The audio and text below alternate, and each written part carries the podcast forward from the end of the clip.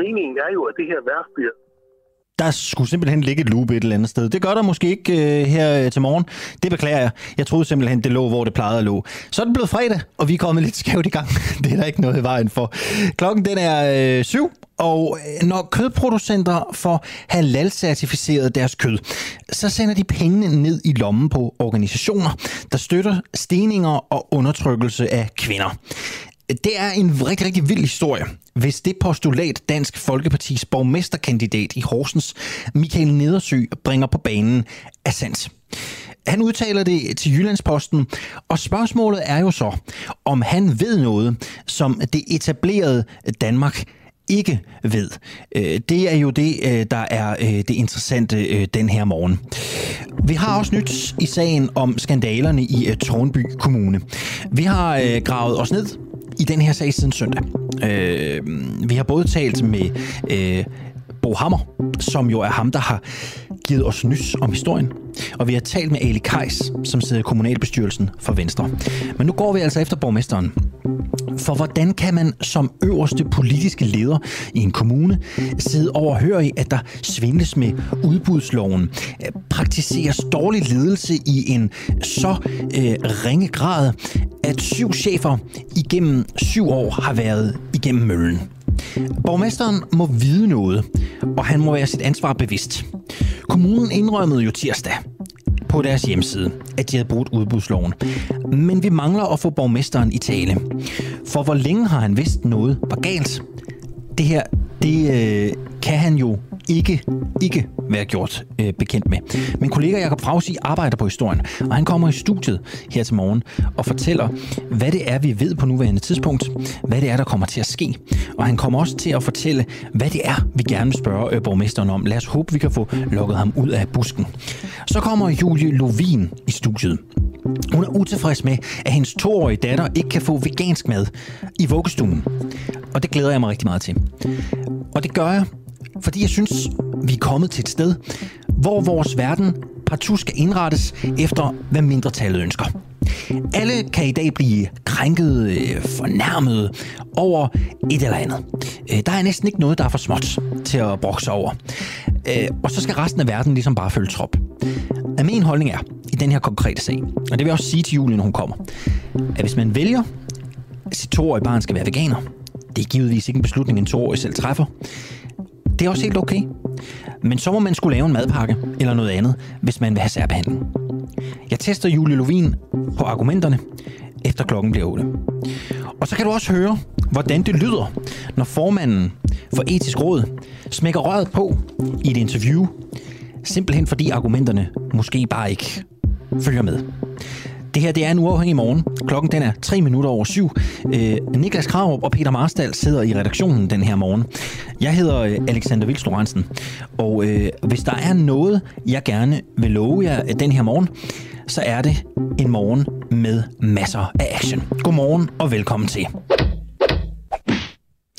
Vi starter med historien om, hvorvidt sommerens fodboldfeber har fået Venstre på Københavns Rådhus til at drømme lidt for stort for skatteborgernes penge.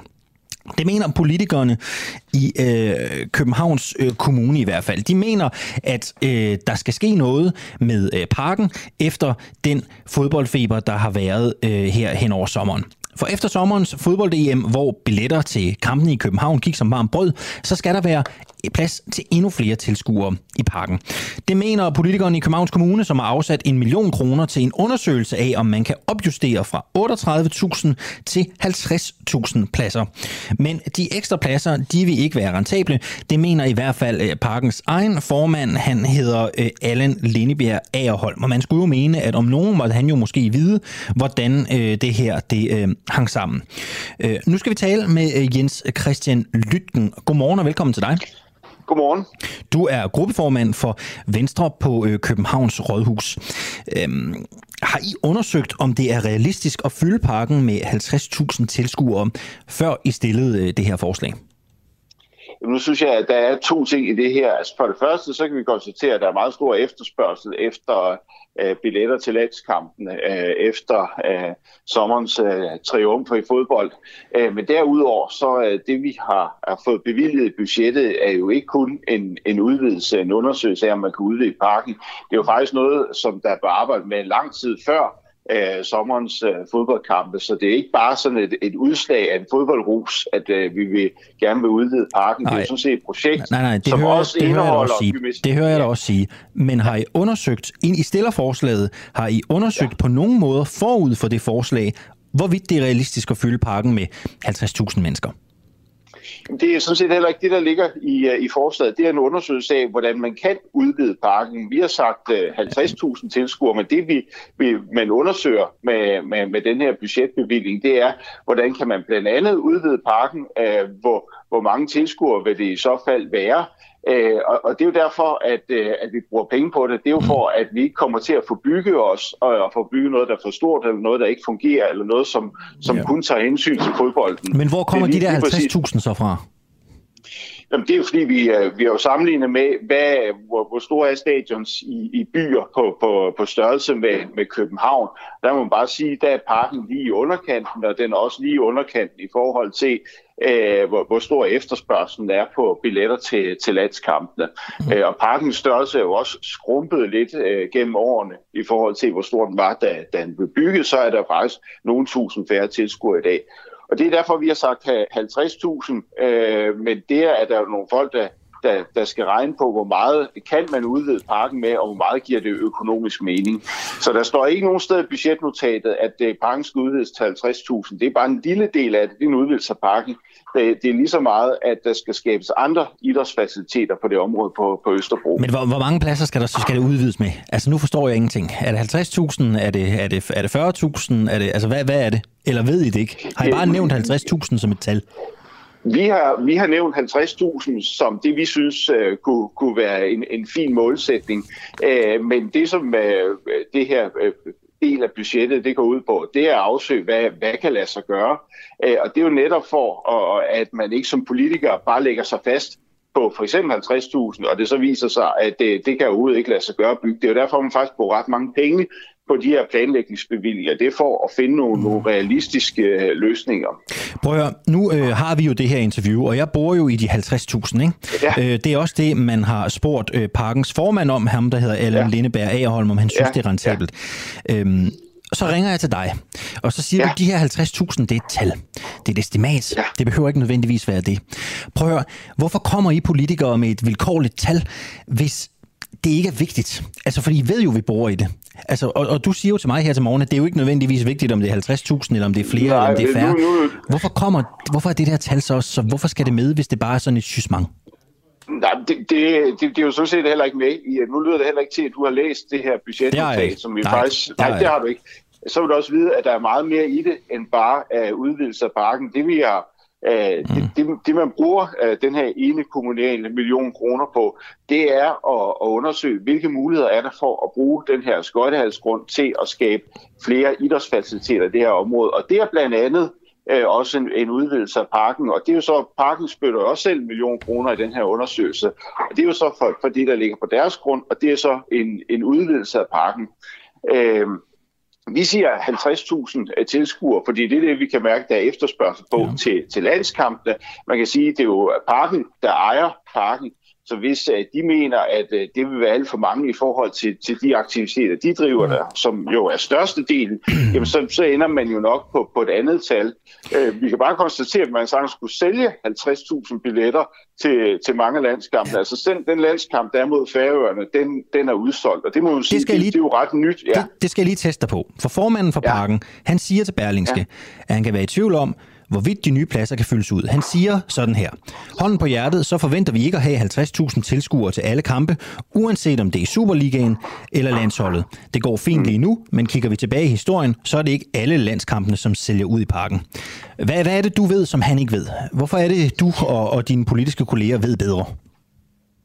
Øh, jamen, vi ved jo heller ikke bedre. Det er jo, det er jo derfor, vi faktisk sætter nogle penge af til at undersøge, øh, hvor, hvor meget skal parken udvides med, hvad skal der ellers være af, af faciliteter. Det er jo netop derfor, at vi ikke bare sidder i en, en sen natteteam, hvor, øh, hvor, hvor man beslutter det her, og så siger, at der skal være 50.000, øh, og så sidder og handler frem og tilbage med det. Det er jo derfor, at vi rent faktisk mm. sammen med parken øh, bruger i alt 2 millioner kroner på at undersøge, hvad, hvad kan man bruge det her område til, og hvordan kan vi øh, udvide øh, parken med noget, der giver mening. Men 50.000, det, det kommer af, at vi kan konstatere, at fodboldkampene, øh, landsholdets fodboldkamp, de rent faktisk er udsolgt. Nu har man haft tre kampe i, i streg, som, som er udsolgt, og DBU siger jo også selv, at de forventer, at fremover der er man nødt til at købe den her abonnementsordning for at have mulighed for øh, at, at, at, at købe en billet til, til landskampen. Og det tyder jo på, at, øh, at, at der er for få pladser i parken, når der er så stor efterspørgsel øh, til, til at se landsholdet, uanset hvem det er, vi spiller imod. Jeg er borger i Københavns Kommune selv, ikke? Og ja. jeg tænker et ja. eller andet sted, kunne de der penge ikke bruges på noget bedre? Altså, hvor, hvorfor er det vigtigt? Kunne man ikke godt bruge de penge på, på noget bedre i København? Bare ganske kort jo, men, men, Nej, fordi øh, vi, vil, vi har brug for idrætsfaciliteter i København, øh, og det vi undersøger, det er jo også, kan vi også skabe nogle øh, faciliteter til gymnastikken, som har dårlige kår øh, i, øh, i København, og også til, til breddeidrætten. Det er sammen med for eksempel med Boldklubben Skjold, som er en breddeidrætsklub, faktisk en af de største idrætsklubber, vi, vi har i København. Så det, øh, det er ikke kun udvidelse af parken, det er også udvidelse af idrætsfaciliteter for, øh, for alle københavner, øh, og alle, der har, har børn i København, ved i hvert fald, at det er svært at få ens øh, børn til for eksempel skrevet op til fodbold øh, eller andre idrætsgrene. Der, der skal man virkelig være hurtig, hvis man skal have sine, sine børn med på holdet. Så der er brug for idrætsfaciliteter i København. Godt. Jens Christian Lytgen, tak skal du have, fordi du var med her til morgen. Du er som sagt gruppeformand for Venstre i Københavns borgerrepræsentation. Du lytter lige nu til Den Uafhængige. Danmarks måske mest kritiske, nysgerrige og levende radio. Løver de, løver de, løver de, løver de, løver de, løver de. Hvis du har en god idé til en historie, så skriv til os på Facebook eller send os en mail. Adressen finder du på hjemmesiden. Mm, der er et godt program til jer her til morgen. Om 10 minutter taler jeg med Michael Nedersø. Han er borgmesterkandidat for Dansk Folkeparti i Horsens. Han mener at vide, at når danske kødproducenter betaler for at få halal-certificeret deres kød, det skal man gøre, hvis man vil have det certificeret, så går pengene til organisationer, der blandt andet støtter øh, steninger og had mod homoseksuelle. Det er en vild historie, hvis det han bringer til tors her, det er rigtigt. Øh, og det er jo interessant, fordi øh, Landbrug og Fødevare siger det modsatte. Det er der ikke noget incitament for at sige. Vi tester borgmesterkandidatens holdninger om 10 minutter, og om 20 minutter, så taler jeg med en mand, som siger, at Sofie Linde er fuld af løgn. Først så skal det handle om ulovlige PET-registreringer. Det skal jeg tale med Morten Skjoldager om. Godmorgen. Godmorgen. Du er journalist på Politiken. Nu skal jeg være helt ærlig. Øh, ja. Journalist til journalist. Jeg aner ikke, hvad det er, vi skal tale om. Øh, jeg har okay. ikke noget manuskript på det, vi skal snakke om. Jeg har ingen idé om, hvad det er, det drejer sig om. Så nu skal du simpelthen tage mig igennem historien, Morten. Øh, fortæl mig, hvad er det, øh, der er vigtigt med den her historie? Ja, det vigtige er, at, øh, at vi har en efterretningstjeneste, som har en masse beføjelser om at overvåge, aflytte og gøre alt muligt som indgreb i vores personlige frihed. Men med, den, med, med de mange muligheder er der også en masse regler for, der begrænser, hvad PT må. Og blandt andet må de ikke aflytte folk på grund af deres politiske observans eller politiske aktiviteter. Øh, og den historie, vi skrev forleden, var, at øh, det, der hedder tilsynet med efterretningstjenesterne, som er sådan et uafhængigt kontrolorgan, øh, de skriver i deres nye årsredegørelse, at det har de opdaget, at PT sidste år har, øh, har aflyttet, øh, eller ikke aflyttet, de har indhentet oplysninger om 21 personer og to bands, altså to musikbands, og de her oplysninger øh, handlede om nogle personer, der kun lavede øh, lovlig politisk aktivitet, men oplysningerne var ikke blevet slettet. Det blev de først, da det her tilsyn opdagede det. Øh, og det er fordi reglerne er på den måde, at PT må godt gå ud og overvåge folk i det politiske miljø, hvis det for eksempel er venstre ekstremister eller højre ekstremister, eller hvad det måtte være, hvis man har en mistanke til dem. Men hvis man så opdager, at der ikke er nogen grund til den mistanke, at det, de laver, sådan set bare er lovlig politisk virksomhed, så skal PET altså slette oplysningerne igen, så må de ikke bare beholde dem. Og det har de ikke gjort i det her tilfælde. Hvilket band er det, de har aflyttet? Vi aner det ikke. Uh, der står kun i den her, uh, i den her redegørelse, at det er, det er to forskellige bands og 21 personer. Og så kan man jo så spekulere i, uh, hvad det kan være. Uh, det, det, det kunne jo tyde på, at det nok har været i, i forbindelse med en eller anden form for demonstration. Uh, når nu der også er bands til stede. Øh, så det, det, det kunne i hvert fald være et bud. Men lige præcis, hvad det er, det ved vi ikke. Og vi ved heller ikke noget om de 21 personer. Hvem det er, der er blevet, øh, hvem det er, der er blevet aflyttet. Det ved vi heller ikke, nej. nej. Men altså, de to foregående år, der har også været eksempler på, at det her uafhængige tilsyn har opdaget, at PT har haft oplysninger liggende om, øh, om demonstranter, som skulle have været slettet, fordi det vis, har vist sig, at det var, det var fuldstændig lovlig politisk aktivitet, man, øh, man havde registreret. Og så skal det altså slettes. har taler om øh, personer, som er blevet aflyttet. Øh, der har måske så ikke været nogen grund til det. Det er ikke blevet slettet. Hvad, hvad, er den, øh, hvad er den negative konsekvens ved det her? Fordi øh, der, der er måske ikke sådan rigtig nogen, der decideret kommer til skade eller har ondt af det. Så hvad er den negative konsekvens ved det her?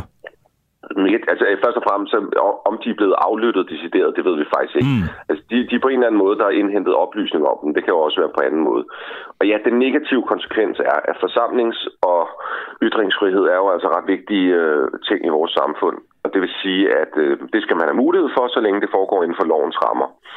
Og der kan det have, som, som juraprofessor øh, Jørgen Vestergaard siger i, til os i politikken, det kan have sådan en chilling effekt, hvis det for mange gange viser sig for folk, der er politisk aktive, at de bliver registreret af PT Så kan man være måske tilbage holdende med at deltage i den slags ting. Fordi det kan jo i virkelighedens verden have konsekvenser, hvis du er registreret hos PT. Det kan betyde, at du ikke kan blive sikkerhedsgodkendt eksempelvis til et job. Øh, så det er ikke ligegyldigt, om du er registreret i PT. Du var lidt inde på det før, men mm. er det her noget, vi har... Altså, hvor, hvor udbredt er det her? Altså, vi, vi har, hvis vi har set det før, eller har set sådan øh, reminiscenser af det før, kan, kan man sige mm. noget om, hvor, hvor, hvor tit det her sker? Jeg vil i hvert fald sige, at inden for de, de seneste tre år, der er det i hvert fald øh, over 50 personer, som vi ved, der, øh, som, hvor PT har opbevaret øh, eller bevaret, beholdt oplysninger om dem, selvom at det har vist sig, at det var lovlig politisk aktivitet, det de lavede. Mm. Altså, og, og, og, og er det meget eller lidt? Det er jo lidt svært at sige. Det er det, tilsynet har opdaget, og så har PT øh, slettet de her oplysninger, da tilsynet har gjort dem opmærksom på det. Og det er altså ulovligt at beholde de oplysninger.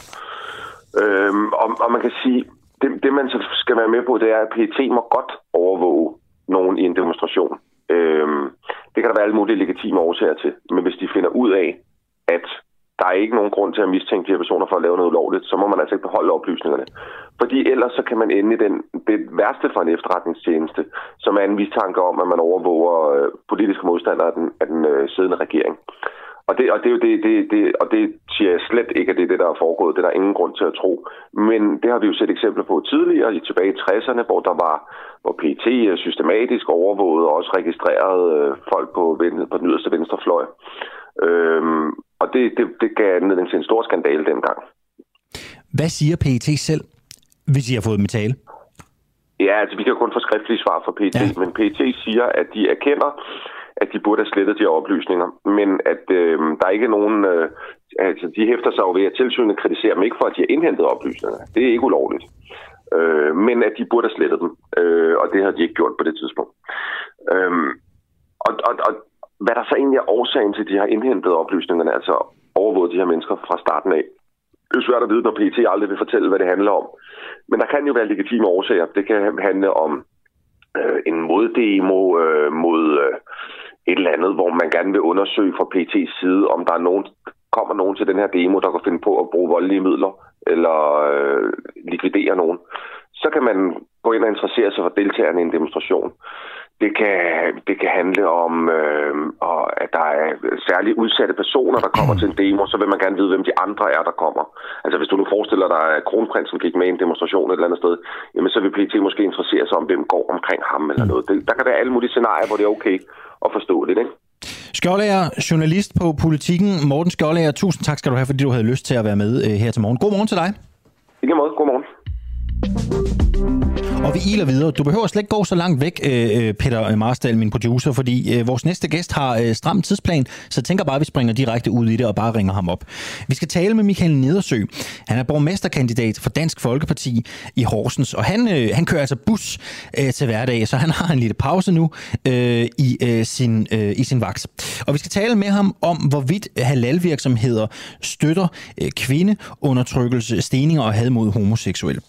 Han mener i hvert fald, og når de danske kødproducenter betaler for at få halal-certificeret deres kød, så går pengene til organisationer, der støtter kvindeundertrykkelse, steninger og had mod homoseksuelle, siger Dansk Folkepartis borgmesterkandidat i Horsens, Michael Nedersø. Godmorgen, Michael Nedersø. Godmorgen. Som sagt, nu hørte jeg desværre ikke lige uh, hele oplægget. Nej, men, men det kan være, at vi kan, vi kan komme ind på det. Det jeg siger er, at du til Jyllandsposten har sagt, at når de danske kødproducenter betaler for at få halal-certificeret kødet, så går pengene til organisationer, der støtter kvindeundertrykkelse, steninger og had mod homoseksuelle. Det er helt korrekt. Hvordan det er, hænger det sammen? Det er, det er sådan, øh, at man betaler en halal-afgift. Først så betaler du en halal-certificering for at blive certificeret. Mm efterfølgende, der betaler du en halal-afgift for hver øh, kilo eller øh, antal produkt, du producerer. Nogle af de penge, de går til Islamisk Kulturcenter i, i, i København, der så sender penge, en del af pengene videre til Muslim World League i Saudi-Arabien.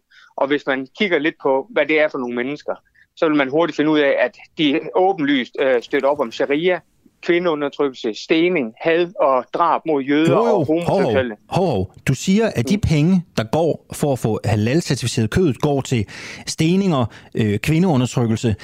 Hvordan ved du, at de penge konkret går til det? Det er sgu interessant, hvis du ved det. Så er det en stor historie, vi har her.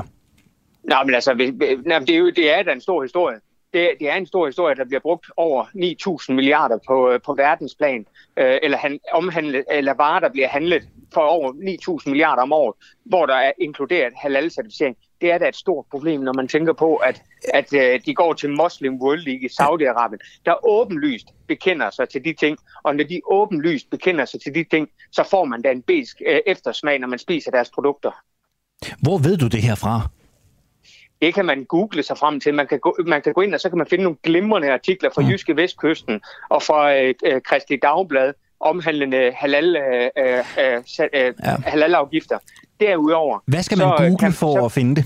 Hvad skal man skrive på Google? Du kan bare skrive halal, halalafgifter. Så kommer det. Og, og, og derudover, så kan man jo så gå ind bagefter og så se, hvad det er, hvad det er for nogle mennesker, altså, der står bag Muslim ja. World League. Det er altså hardcore ekstremister, vi snakker om her. Det er ikke bare en almindelig moderat muslim, men det er de hardcore mm. pengene også går til. Landbrug og Fødevare, øh, chefkonsulent i Landbrug og Fødevare, Stig Munke Larsen, han siger, øh, halalkød i Danmark finansierer på ingen måde terror, kvinderundertrykkelse, stening og had mod homoseksuelle. Øh, lyver Landbrug og Fødevare? Hvordan kan han vide det, når pengene de går til Muslim World League? Jo, Men altså, øh, land, landbrug, landbrug og fødevare, de har jo også en interesse i at negligere problemet, fordi de rent faktisk betaler de afgifter. Ja. Ikke? Ellers så kunne de jo bare mærke om det, så kunne de se, hvor stor, hvor stor øh, efterspørgsel der var øh, ved de danske forbrugere mener du, øh, at, af Mener du, at landbrug og fødevare bakker op om kvindeundertrykkelse, steninger og had mod homoseksuelle? Nej, det tror jeg simpelthen ikke, de gør sådan åbenlyst, men, men i og med, at de betaler... Nej, ikke åbenlyst, men... Nu skal men... du lade mig tale færdig øh, i og med, at de rent faktisk øh, øh, betaler halalafgiften, så finansierer de også nogle af de aktiviteter. Okay, så indirekte så støtter Landbrug og Fødevare op om kvindeundertrykkelse, steninger og had mod homoseksuelle? Hvis de, hvis de betaler halalafgifter. Ja. Og det man skal huske på, det er, det, altså, jeg anfægter ikke uh, slagtemetoden eller noget som helst, for jeg er ikke slagter. Mm. Jeg anfægter heller ikke uh, uh, retten til det, uh, hvad skal man sige, uh, dem der gerne vil spise halal. Det må de selv om. Men det jeg anfægter, det er afgifterne. Ja. jeg mener ikke, at hardcore ekstremister i Saudi-Arabien, de skal have vores øh, øh, halalafgifter til, til alle de aktiviteter, de ellers står for. Det, jeg synes, der er lidt interessant øh, hernede at søge, det er jo, at øh, i 2019, der stoppede Muslim World League jo helt med at udstede halal-certificeringer. Mm. Så hvor aktuelt er det postulat, du bringer til tors? Jeg synes, det er meget aktuelt, fordi hvis de stopper med at bringe halal-certificering, så er det vel bare øh, øh, smidt ud til en eller anden øh, ekstremist nede i Saudi-Arabien. Det der er budskabet Hvor ved her, du det fra? Det der er budskabet her... Nej, nej, hvor ved er, du det fra? Nu, nu skal du lade mig tale færdigt. Nej, det du svare på det, jeg spørger om. Hvor ved du Jamen, det fra? Jeg, har, jeg, jeg synes, jeg har gjort rigtig meget for at svare på de ting, du spørger om, men du bliver ved med at finde en eller anden lille krølle for at prøve at bringe mig ud på dyb vand, og det skal ikke lykkes for dig. Nej, nej det, det gør jeg ikke. Det gør jeg ikke, Michael Ledersø. Det gør jeg ikke. Men du siger, hvis, hvis, hvis, hvis, øh, Muslim World League er stoppet med at udstede halal så siger du, så er de udliciteret det til en eller anden, en eller anden, anden lyssky organisation. Hvor ved du det fra? Hvad baserer fordi du det på? Er så, fordi der er så store penge i det her. 9.000 milliarder på verdensplan. Det smider man altså ikke bare ud, øh, ud til højre. Men du ved Derfor. det ikke, vel? jeg har, jeg har ikke øh, undersøgt, øh, øh, om, om der, hvem, hvem der ellers står for mm. det ud af Muslim World League. Nej, det har jeg ikke. Men jeg er sikker på, at jeg skal nok kunne finde ud af det, hvis det var det, jeg ville. Okay. Det, der er point, det, der er pointen her, det er, at vi snakker hardcore ekstremister, der står for den halal-certificering. Og det er ikke kun kødvarer, det er hotelværelser, det er chokoladeprodukter, det er morgenmad, det er alt muligt andet, der skal halal-certificeres. Jeg købte for, på et tidspunkt, der skulle jeg stå for nytårsdessert. Der fik jeg sådan en guldspray øh, hjem, jeg skulle øh, øh lakere noget chokoladekugler med. Det var fandme også halal-certificeret. Det er så stort et omfang det her, at der er rigtig mange mennesker, der overhovedet ikke aner, hvor stort det er. Smed du det så ud? Det gjorde jeg. Det gjorde du. Okay. Og så skrev jeg en klage til, øh, til øh, firmaet. Vi har jo også, øh, nu har vi snakket om, om Muslim World League, der er jo også Islamic Center for Halal og Halal Quality Center, som arbejder med landbrug og fødevarer omkring certificering nu. Hvad ved du om dem? Dem ved jeg faktisk ikke særlig meget om. Okay, så, så der, er ikke, der er ikke sikkert, der er noget, der er lyssky der? Det ved jeg ikke. Okay. Øhm, der er en ting, som, som jeg også synes er spændende i det her, og vi har været lidt inde på det. Men, mm. men, men du siger, kødproducenterne øh, penge for halal-certificering går til organisationer, som støtter kvindeundertrykkelse. Altså, hvad kender du til de der pengestrømme?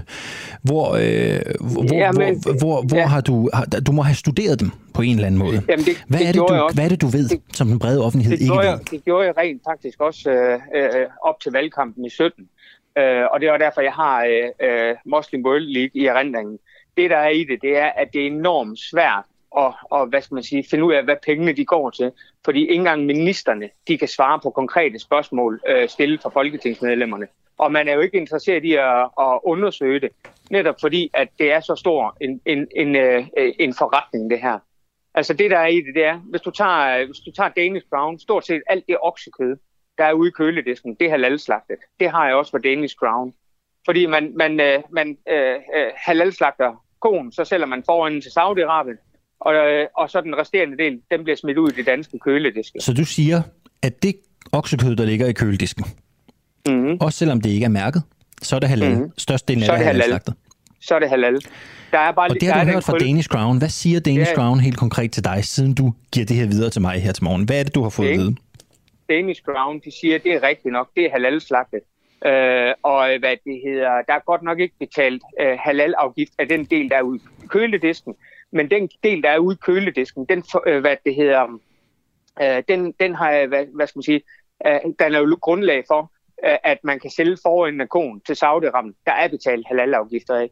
Jeg har det jo sådan, at hvis Danish Crown mener, at der er så stor efterspørgsel på øh, kødprodukter, og der, der er bedre økonomi i det i Saudi-Arabien, så skulle de tage at choppe hele konen op, og så sende den til Saudi-Arabien. Ikke? Jeg mener ikke, at man på nogen som helst måde skal øh, betale halal-afgifter.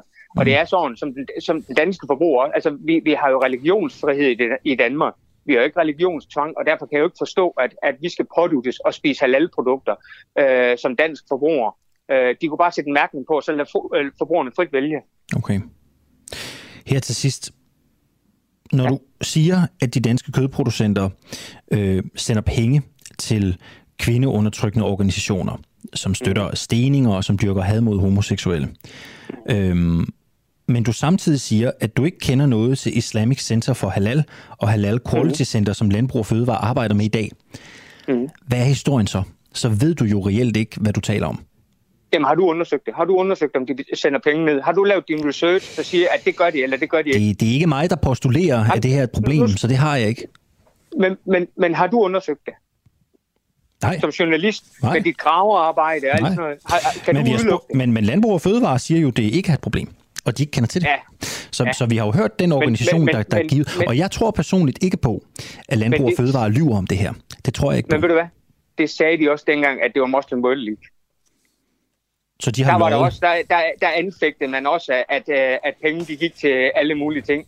Men altså, der kunne man jo selv finde ud af, hvad Muslim World League de, de stod for. Men altså, jeg skal da gerne gå ind og så undersøge, øh, hvad, hvad de der organisationer de står for. Men de står jo for, for øh, øh, som jeg ser det, så alt, hvad der er med lalleafgifter, det, er, det går til finansiering af alt muligt træl, så det vil jeg ikke være med til.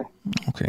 Michael Nedersø, du skal tilbage på arbejdet. Du er borgmesterkandidat for Dansk Folkeparti i Horsens. Tak skal du have, fordi du havde lyst til at være med her til morgen. Selv tak, og fortsat god dag til jer. Det samme til dig. Du lytter lige nu til en uafhængig morgen. Kritisk, nysgerrig og levende radio, som politikerne ikke kan lukke. Vi sender live alle hverdage fra klokken 7 til 9.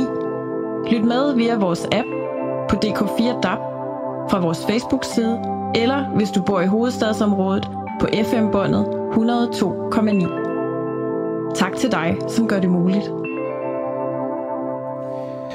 Jeg kan øh, tise for, at du i næste time, om cirka små 50 minutter, øh, så kan du høre, hvordan øh, det lyder, når øh, formanden for Etisk Råd bliver sur på en af øh, mine øh, kollegaer. Formanden for Etisk Råd er, øh, jeg kan ikke huske, hvad hun hedder, så det prøver jeg simpelthen lige at finde her. Hun hedder Anne-Marie Gertes.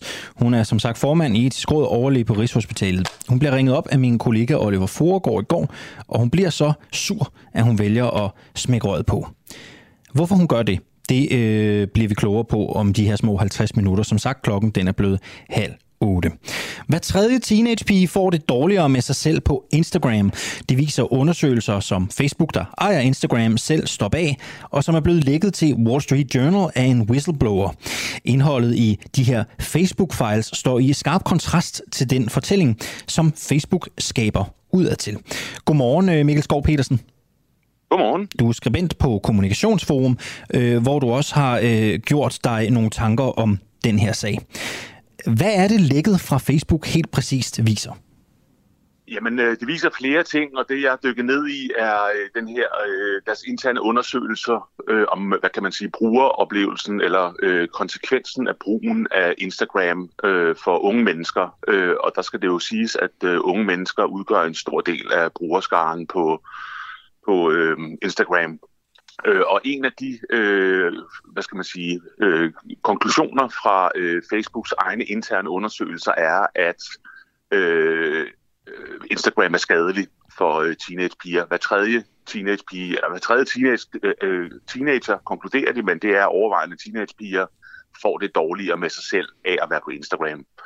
Øh, og det viser øh, undersøgelser, interne undersøgelser, som nu er lægget fra både øh, 19 og 20. Hvordan får de det dårligere med sig selv?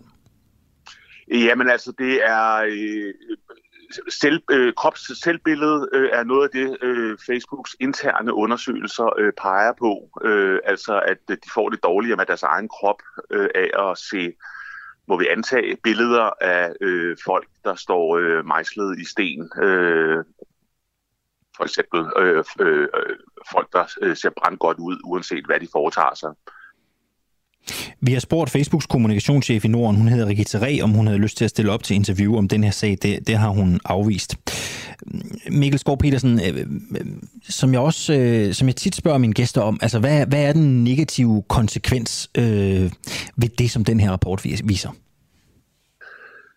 Altså, øh, den negative konsekvens er, at vi har en masse teenagepiger derude. Øh, nu er det, skal det siges, altså, altså undersøgelsen tager udgangspunkt i øh, amerikanske og britiske øh, teenager, men vi må, må antage, at det kan overføres i, i øh, cirka om, øh, samme omfang til danske forhold.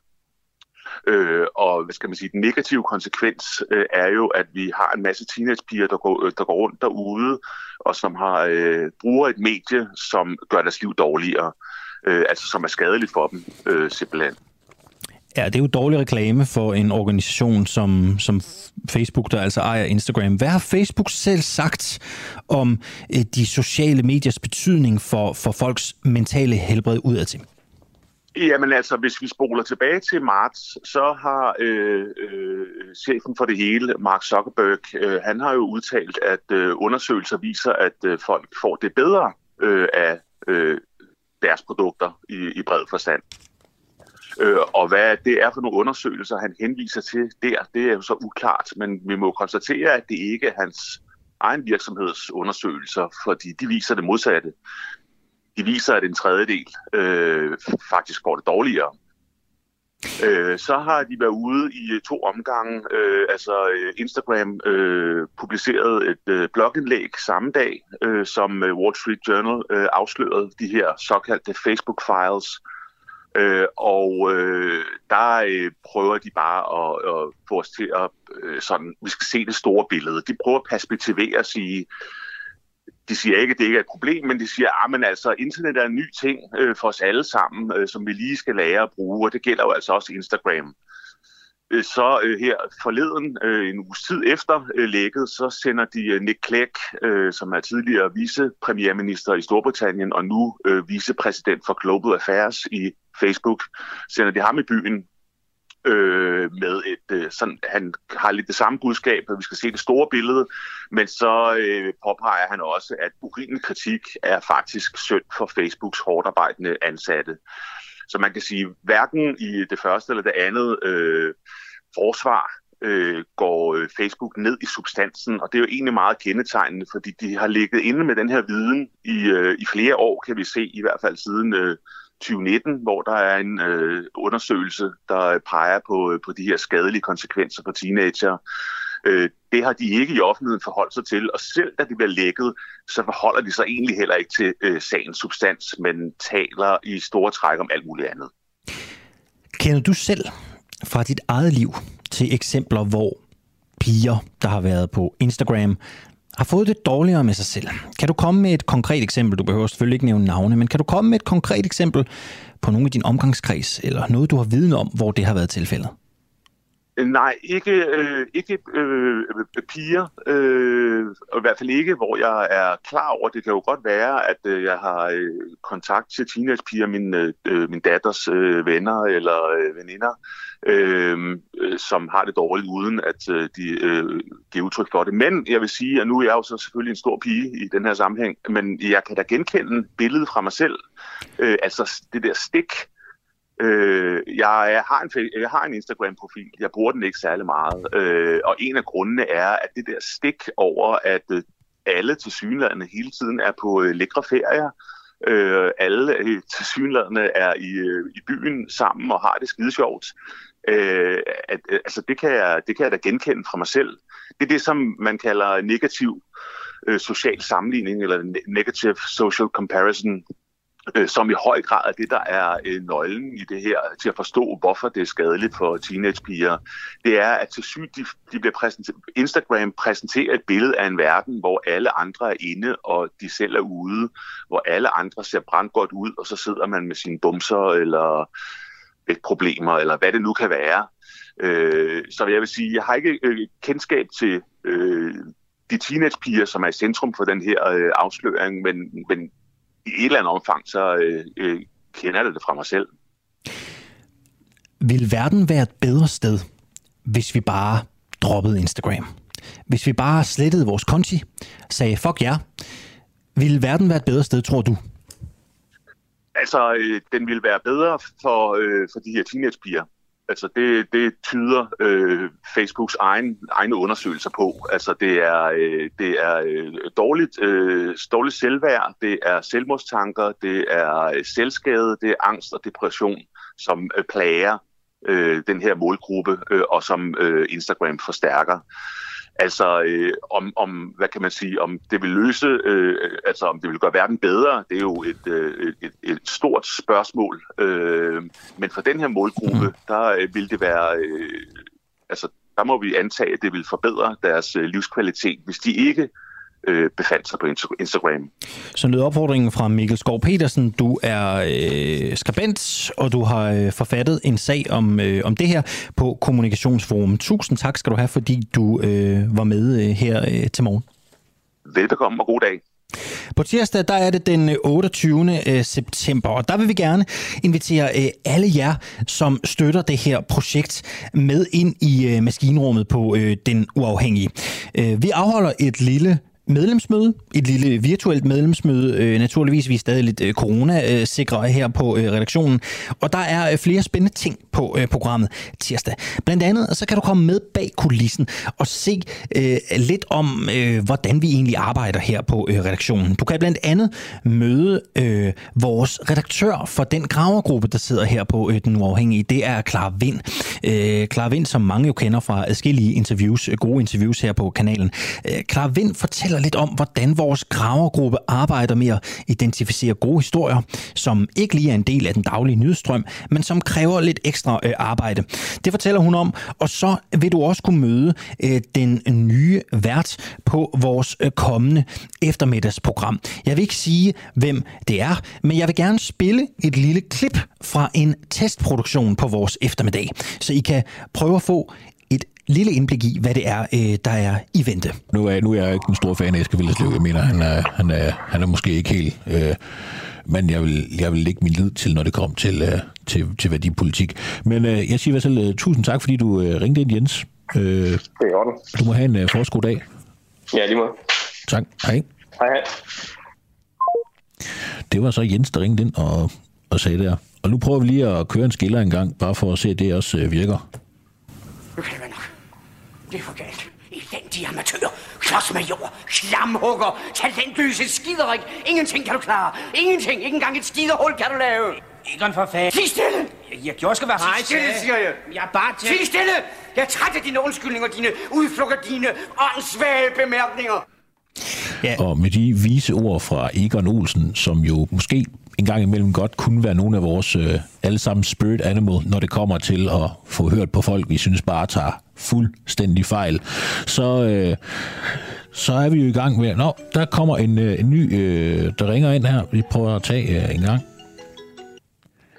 Pæn goddag, du har ringet ind til Ring, hvis jeg tager fejl på den uafhængige. Mit navn er... Og du hedder? Jeg hedder Jakob Simonsen. Pæn goddag, Jakob. Ja, det kan jeg altså glæde jer til, når vi øh, går i luften 1. oktober. Øh, til det her medlemsmøde på tirsdag, så øh, kan jeg også møde Rasmus Jarlov fra De Konservative, fordi han kigger ind, og så fortæller han lidt om, hvordan man her på den uafhængige kan blive skarpere i forhold til at udfordre politikerne på deres argumenter. Vi har jo hovedsageligt politikere eller folk fra den politiske verden i studiet her. Det er på tirsdag, det er klokken 20, og alle dem, som er aktive medlemmer øh, på den uafhængige kan være med til det her møde. De får tilsendt et link. Og hvis du ikke allerede er med og godt kan lide det, vi laver, så fat din telefon, skriv UA, Ulla Anders, og send den afsted til øh, 1245. Så får du et øh, link tilbage lyn hurtigt, og så kan du blive medlem på øh, nærmeste øh, ja, 30 sekunder, vil jeg våge og øh, påstå. Klokken den er 20 minutter i 8, og nu stiller vi et spørgsmål, som for mange sikkert er øh, meget øh, centralt. Vi spørger, hvorvidt Sofie øh, Linde lyver. Blev MeToo's anden bølge i Danmark kickstartet af en overdrevet historie? Øh, TV-vært Sofie Linde fortalte jo i august sidste år, at en stor tv-kanon i DR havde forsøgt at afpresse hende til oralsex, da hun var 18 år. Og da hun sagde det, blev det jo startskuddet til den øh, MeToo-bølge, som ligesom rullede hen over Danmark, og som mange måske vil mene stadigvæk også kører. Nu har det imidlertid vist sig, at historien, som indledte det hele, ikke var helt sand. Sofie Linde var nemlig 20 og ikke 18 år, da det skete. Godmorgen, øh, Torben Hårgaard. Godmorgen. Du er medlem af Manderådet, og så skriver du også klummer for Avisen.dk. Ja. Hvilken forskel gør det for historien, at Sofie Linde var 20 og ikke 18 år? Det gør den forskel, at når man fortæller sådan nogle historier, som er rimelig alvorlige, så er det vigtigt, at man er forholdsvis præcis om hele historiens øh, skal man sige, indhold. Altså, man kan sige, at to år, hvad gør det fra alt til? Men der er alligevel forskel, når man, når man taler om teenager, så en, der er 20, der er to år øh, alligevel meget stor forskel. Hvorfor? Samtidig, fordi, fordi at, altså, det er sådan, at samtidig med den her tale, så viser hun også sin sårbare øh, øh, mave frem og så videre. Altså, der, der er sådan mange, mange elementer i det her, påvirkningselementer. Og, og det der er min pointe med at tage fat i alderen, det er jo ikke kun alderen, der er en række andre ting i den tale, som man også kan sætte spørgsmålstegn ved. Og det der er min pointe i det er, at når man fortæller sådan nogle krænkelseshistorier, så, så er det vigtigt, at man er meget, meget præcis omkring det. Mm. Så kan man ikke pynte på historien, eller sådan skrue lidt op her, eller skrue lidt ned der. Så er man nødt til at være meget, meget præcis om det. Men Hågaard, du siger, der er en forskel på at sige noget som 18-årig og som 20-årig. Hvad er det på de der to år, der gør den store forskel?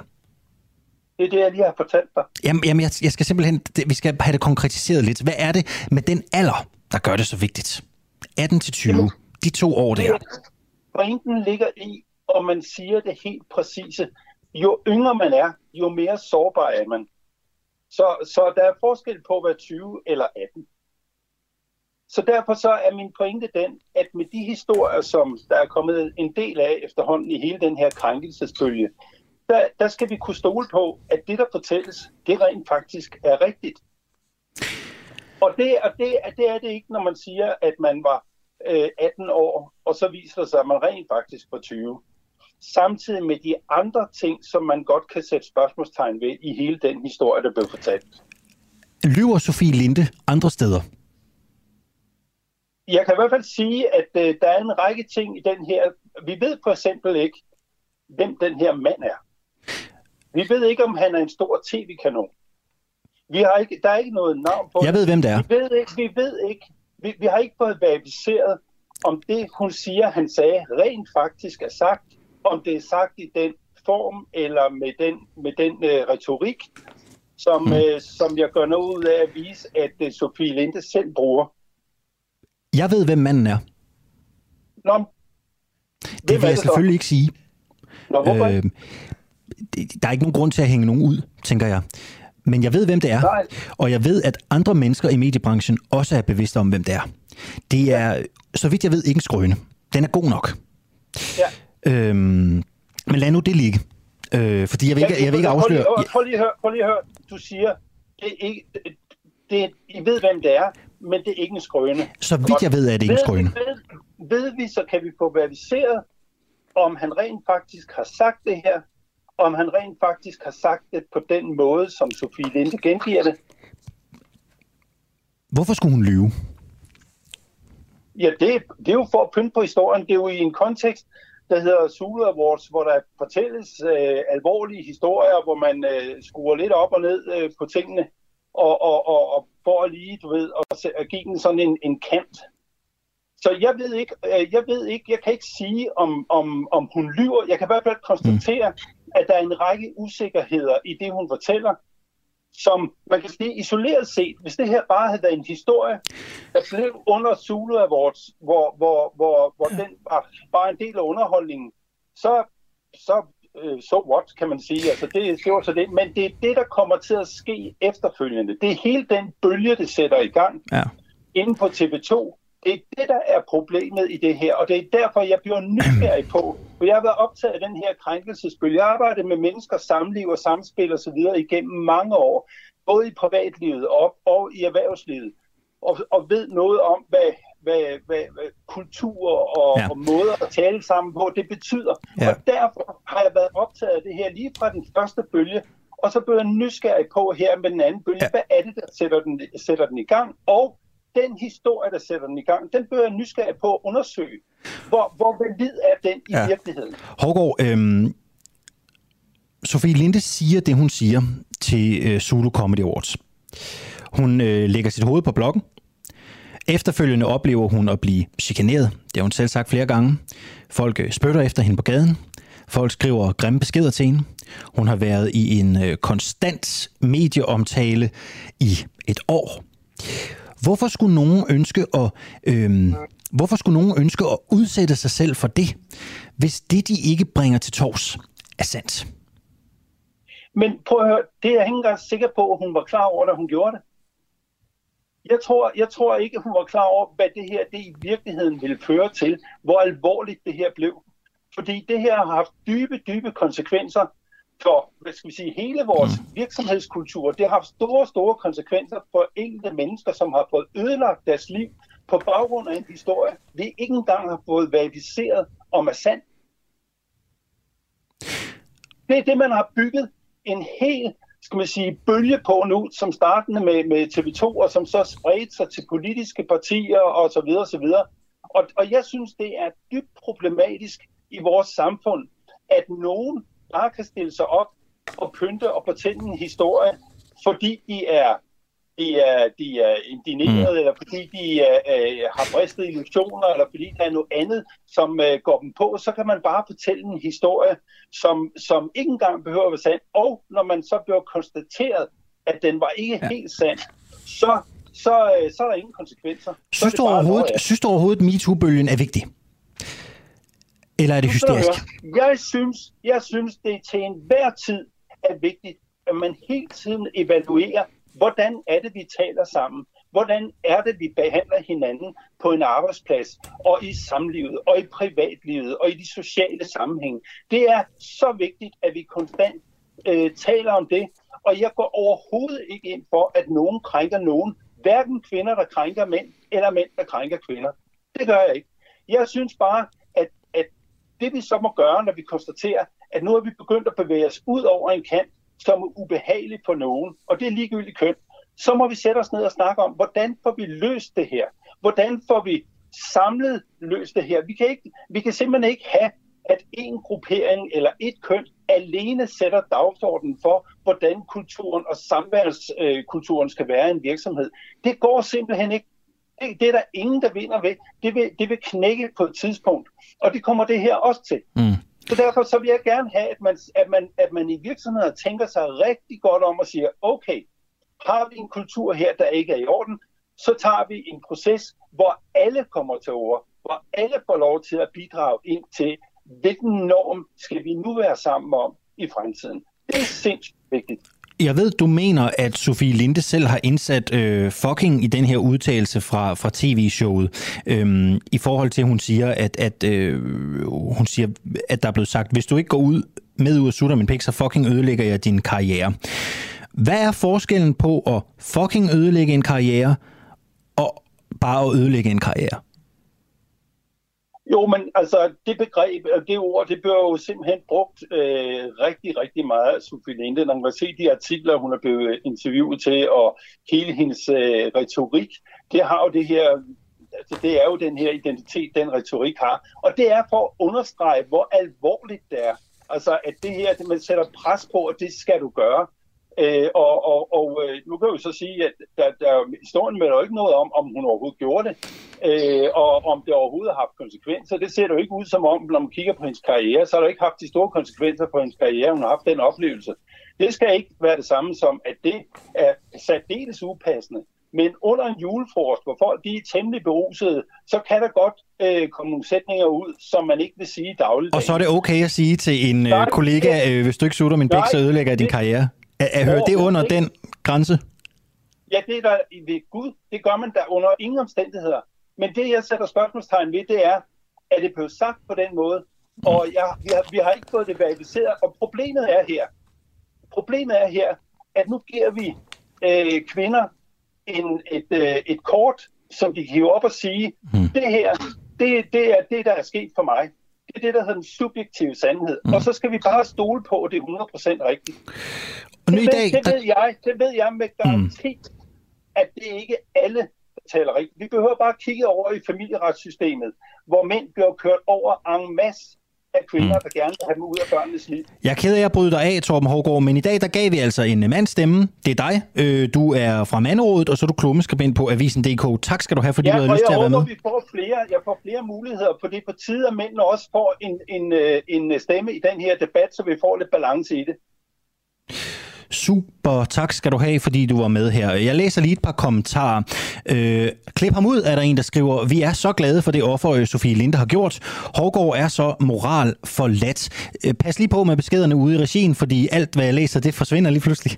Spørg ham, hvordan han har det med at have været på hendes gymnasium for at tage hendes gamle klassebilleder, at han har ringet til gamle venner for at spørge, om hun var kendt som en løgner. Øh, det kan vi gøre en anden øh, god gang. Tak for alle de øh, beskeder, der ligesom er øh, kommet øh, ind. Øh, har vi næste kilde i røret nu? Det har vi ikke. Okay, vi venter en lille smule. Klokken den er... Øh, hvad er den. Den er syv minutter i, klokken er syv minutter i otte. Øh, lad os lige prøve at kigge på noget af det, der sker ude i øh, den store verden omkring os. Øh, italiensk politi på Sardinien har anholdt den katalanske separatistleder Charles Puigdemont. Det bekræfter hans sekretariat ifølge The Guardian. Uh, Puigdemont blev anholdt, da han i sin egenskab af medlem af Europaparlamentet rejste fra Bruxelles i Belgien til Alghero for at deltage i en kulturfestival og for og mødes med Sardiniens regionale leder og ombudsmand. I morgen skal han så stilles for en dommer ved appeldomstolen i Cesare, som har bemyndigelse til at afgøre, om han skal løslades eller udleveres, siger Puigdemonts sekretariat. Spanien har krævet Puigdemont, der jo er tidligere præsident for regionen Katalonien, udleveret til retsforfølgelse, da han i 2017 var med til at arrangere en ulovlig folkeafstemning om Kataloniens løsrivelse fra Spanien. Flere andre katalanske politikere har i den forbindelse fået fængselsstraffe i op til øh, 13 år. Nu kan vi øh, bevæge os mod øh, en øh, ung kvinde, som venter i røret. Det er Alma Thynel, som er forkvinde i Danske Gymnasieelevers sammenslutning. Og nu skal det handle om, hvorvidt gymnasierne skal nægte fulde elever og komme ind til festerne. På Stenhus Gymnasium i Holbæk, der er der gymnasiefest øh, i aften. Men før eleverne må komme ind, skal de puste i et algometer, og har de en promille på over 1, så kan de blive afvist i døren. Stenhus er ikke det eneste gymnasium, hvor man tjekker elevernes promille i døren, lyder det fra Danske Gymnasieelevers sammenslutning. Men forkvinde Alma Thynel mener, det er et problem. Godmorgen, Alma. Godmorgen. Forkvinde i DGS, som I også hedder i forkortelsens sprog. Hvad er problemet ved, at gymnasierne vil passe på eleverne? Jamen der er ikke noget problem med, at et gymnasium vil passe på sine elever, men når man laver et tiltag som, at man skal puste i et algometer inden en gymnasiefest, så synes jeg, at det er et udtryk for mistillid til eleverne, og et udtryk for, at man ikke stoler på, at vi godt selv kan finde ud af at moderere vores alkoholindtag. Hvad er den negative konsekvens ved, at man tester eleverne i døren, inden de kommer til gymnasiefest? Hvad er det dårlige ved det? Jamen det er netop, at eleverne oplever, at, at ledelsen ikke stoler på, at, at vi kan øh, drikke på en ordentlig måde, og vi kan være sammen på en ordentlig måde. Og det synes vi er jo enormt ærgerligt. Øh, det er vigtigt at understrege, at vi rigtig gerne øh, som elever gå i dialog om, hvordan vi laver en bedre alkoholkultur. Men hvis man bare laver sådan et her tiltag, som kommer fra ledelsen, jamen så betyder det jo bare, at, at det viser, hvor, hvor lidt tillid der egentlig er til de unge og til eleverne. Men der er jo ikke nogen, der nægter jer at gå til gymnasiefest. Du går, nu, ved, du går ikke selv på Stenhus Gymnasium, tænker jeg.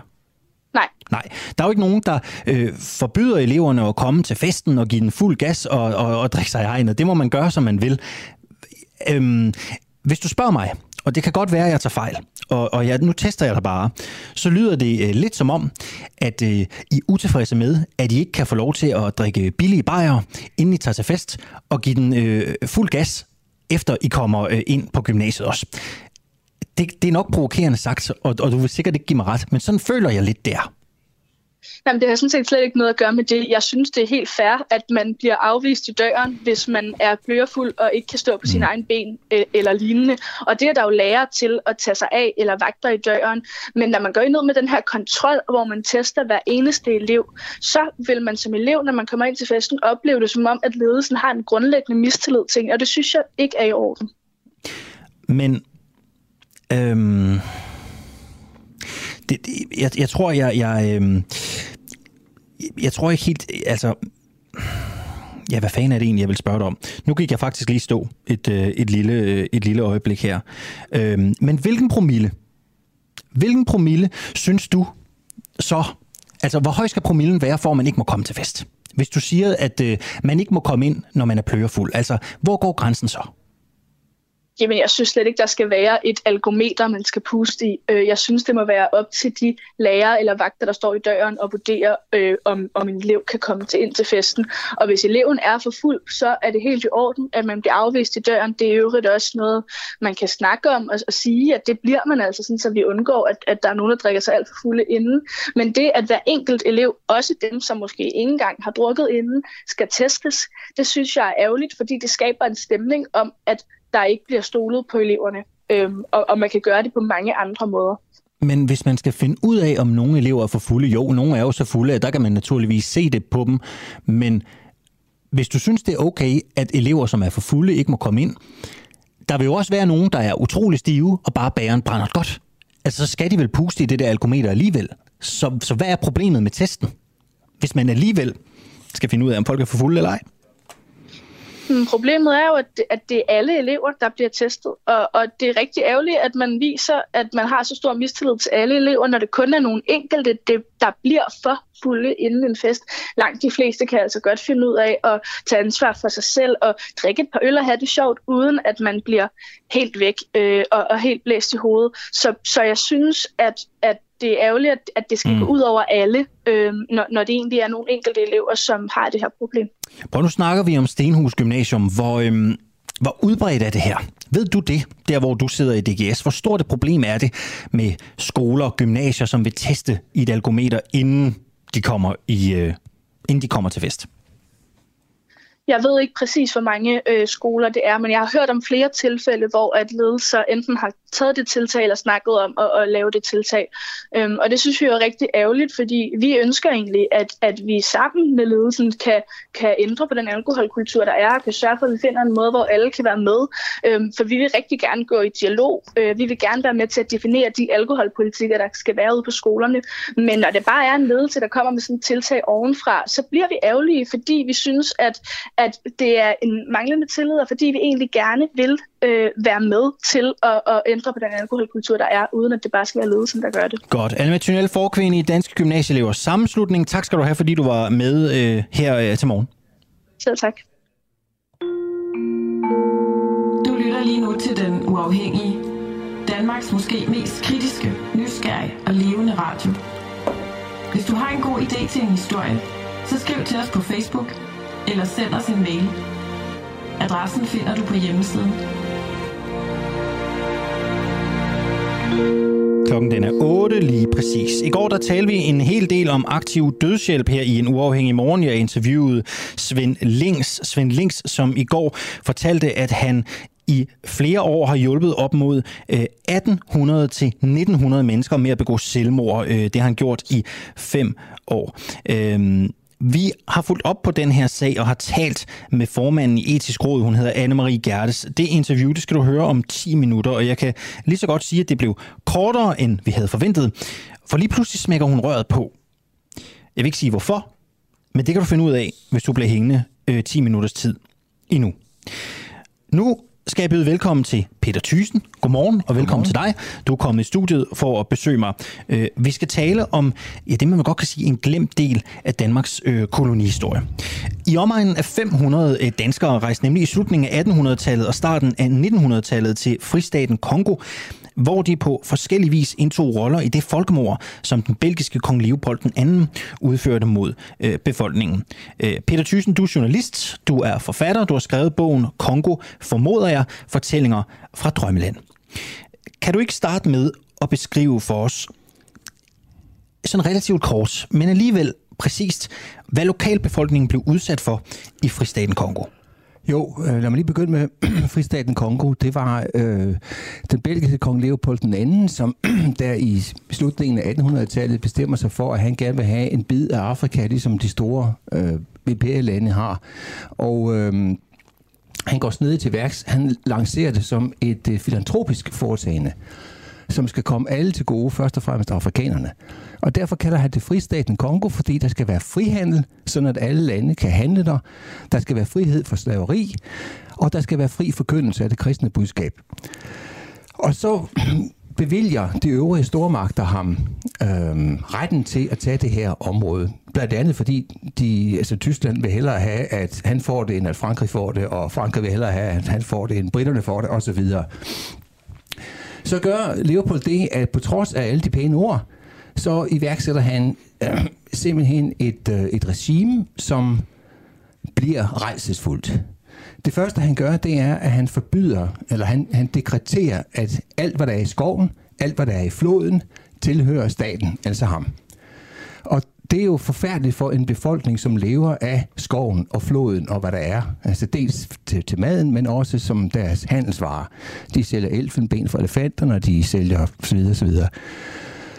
Det næste, der sker, det er, at for at han kan tage det her store område i besiddelse, øhm, så skal man jo først vide, hvad der er, hvor stort det er, hvordan det ser ud. Og der sætter han så det, i nu, i nu om dagen vil man sætte nogle helikopter ind. Datidens helikopter var små øh, skibe med dampmotorer. Og der havde han jo brug for nogle søfolk, der kunne sejle dem op, og der rekrutterede han dem fra Danmark. Og i løbet af få år, så var der stort set kun danske, norske og svenske, der var der bemandede alle de her skibe. Og de sejlede så op af alle floderne på opdagelsesrejser, kortlagde dem osv., og havde herenheder med, som skulle sørge for, at kongoleserne markede ret og blev lydige undersåtter under Leopold. Så de deltog sådan set ikke direkte i, i undertrykkelsen, men de faciliterede den, kan man sige. Så har Danmark, ja, hvordan skal jeg spørge, har Danmark et ansvar eller en rolle i det folkemord, som udspillede sig? Jamen, nu skal vi lige høre med folkemord, fordi det er jo ikke et bevidst folkemord. Det, der sker, det er, at det koster Leopolden eller helvedes masse penge at underlægge sig det her territorium. Han er ganske vist en af de rigeste mænd i Europa, men efterhånden begynder kisten at løbe tom for penge. Og han ved, at han kan tjene en masse penge der, øh, men han skal have ressourcerne ud, men han kan, ikke, han kan simpelthen ikke magte det selv. Så derfor udlejer han meget store områder af Kongo til private firmaer, som så får lov til at udnytte de ressourcer, der er der. Og det er først og fremmest naturgummi, fordi på det her tidspunkt har man opfundet dækket, og, øh, og cyklerne og, og bilerne, og de skal bruge en masse gummi til det. Der er ingen gummiplantager i verden, man er nødt til at tabe det. Og i Kongo er der lianer, dem som tager sig en svang sig i, og dem kan man tabe gummi af. Og det får de her firmaer så lov til at tabe af, og de skal så bare betale en afgift til ham. Og de indfører et rejsesregime for at få så meget gummi ud på så hurtigt så hurtigt som muligt, og leve på det med på det. Han skal også have en masse penge ud af det. Og det er der rejserne opstår, først og fremmest. Og det er danskerne faktisk ikke med til. Øhm, men vi er så med øh, ved at sende en hel del officerer, som får fri fra den danske her til at træde i Leopolds tjeneste for at hjælpe ham med at underlægge sig området, når folk gør oprør. Og det er der, øh, det, det, det, det, den danske indsats er den allerstørste og den mest brutale. Danskerne er ret gode til at, at, at gå i spidsen. Det er fordi, at, at, at belgerne er ved at være trætte af at dø dernede, og så for at leve på rekrutteret nogen herop fra, fra Norden.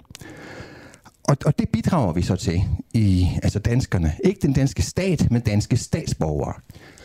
Så, så det er jo så spørgsmålet, det moralske spørgsmål her.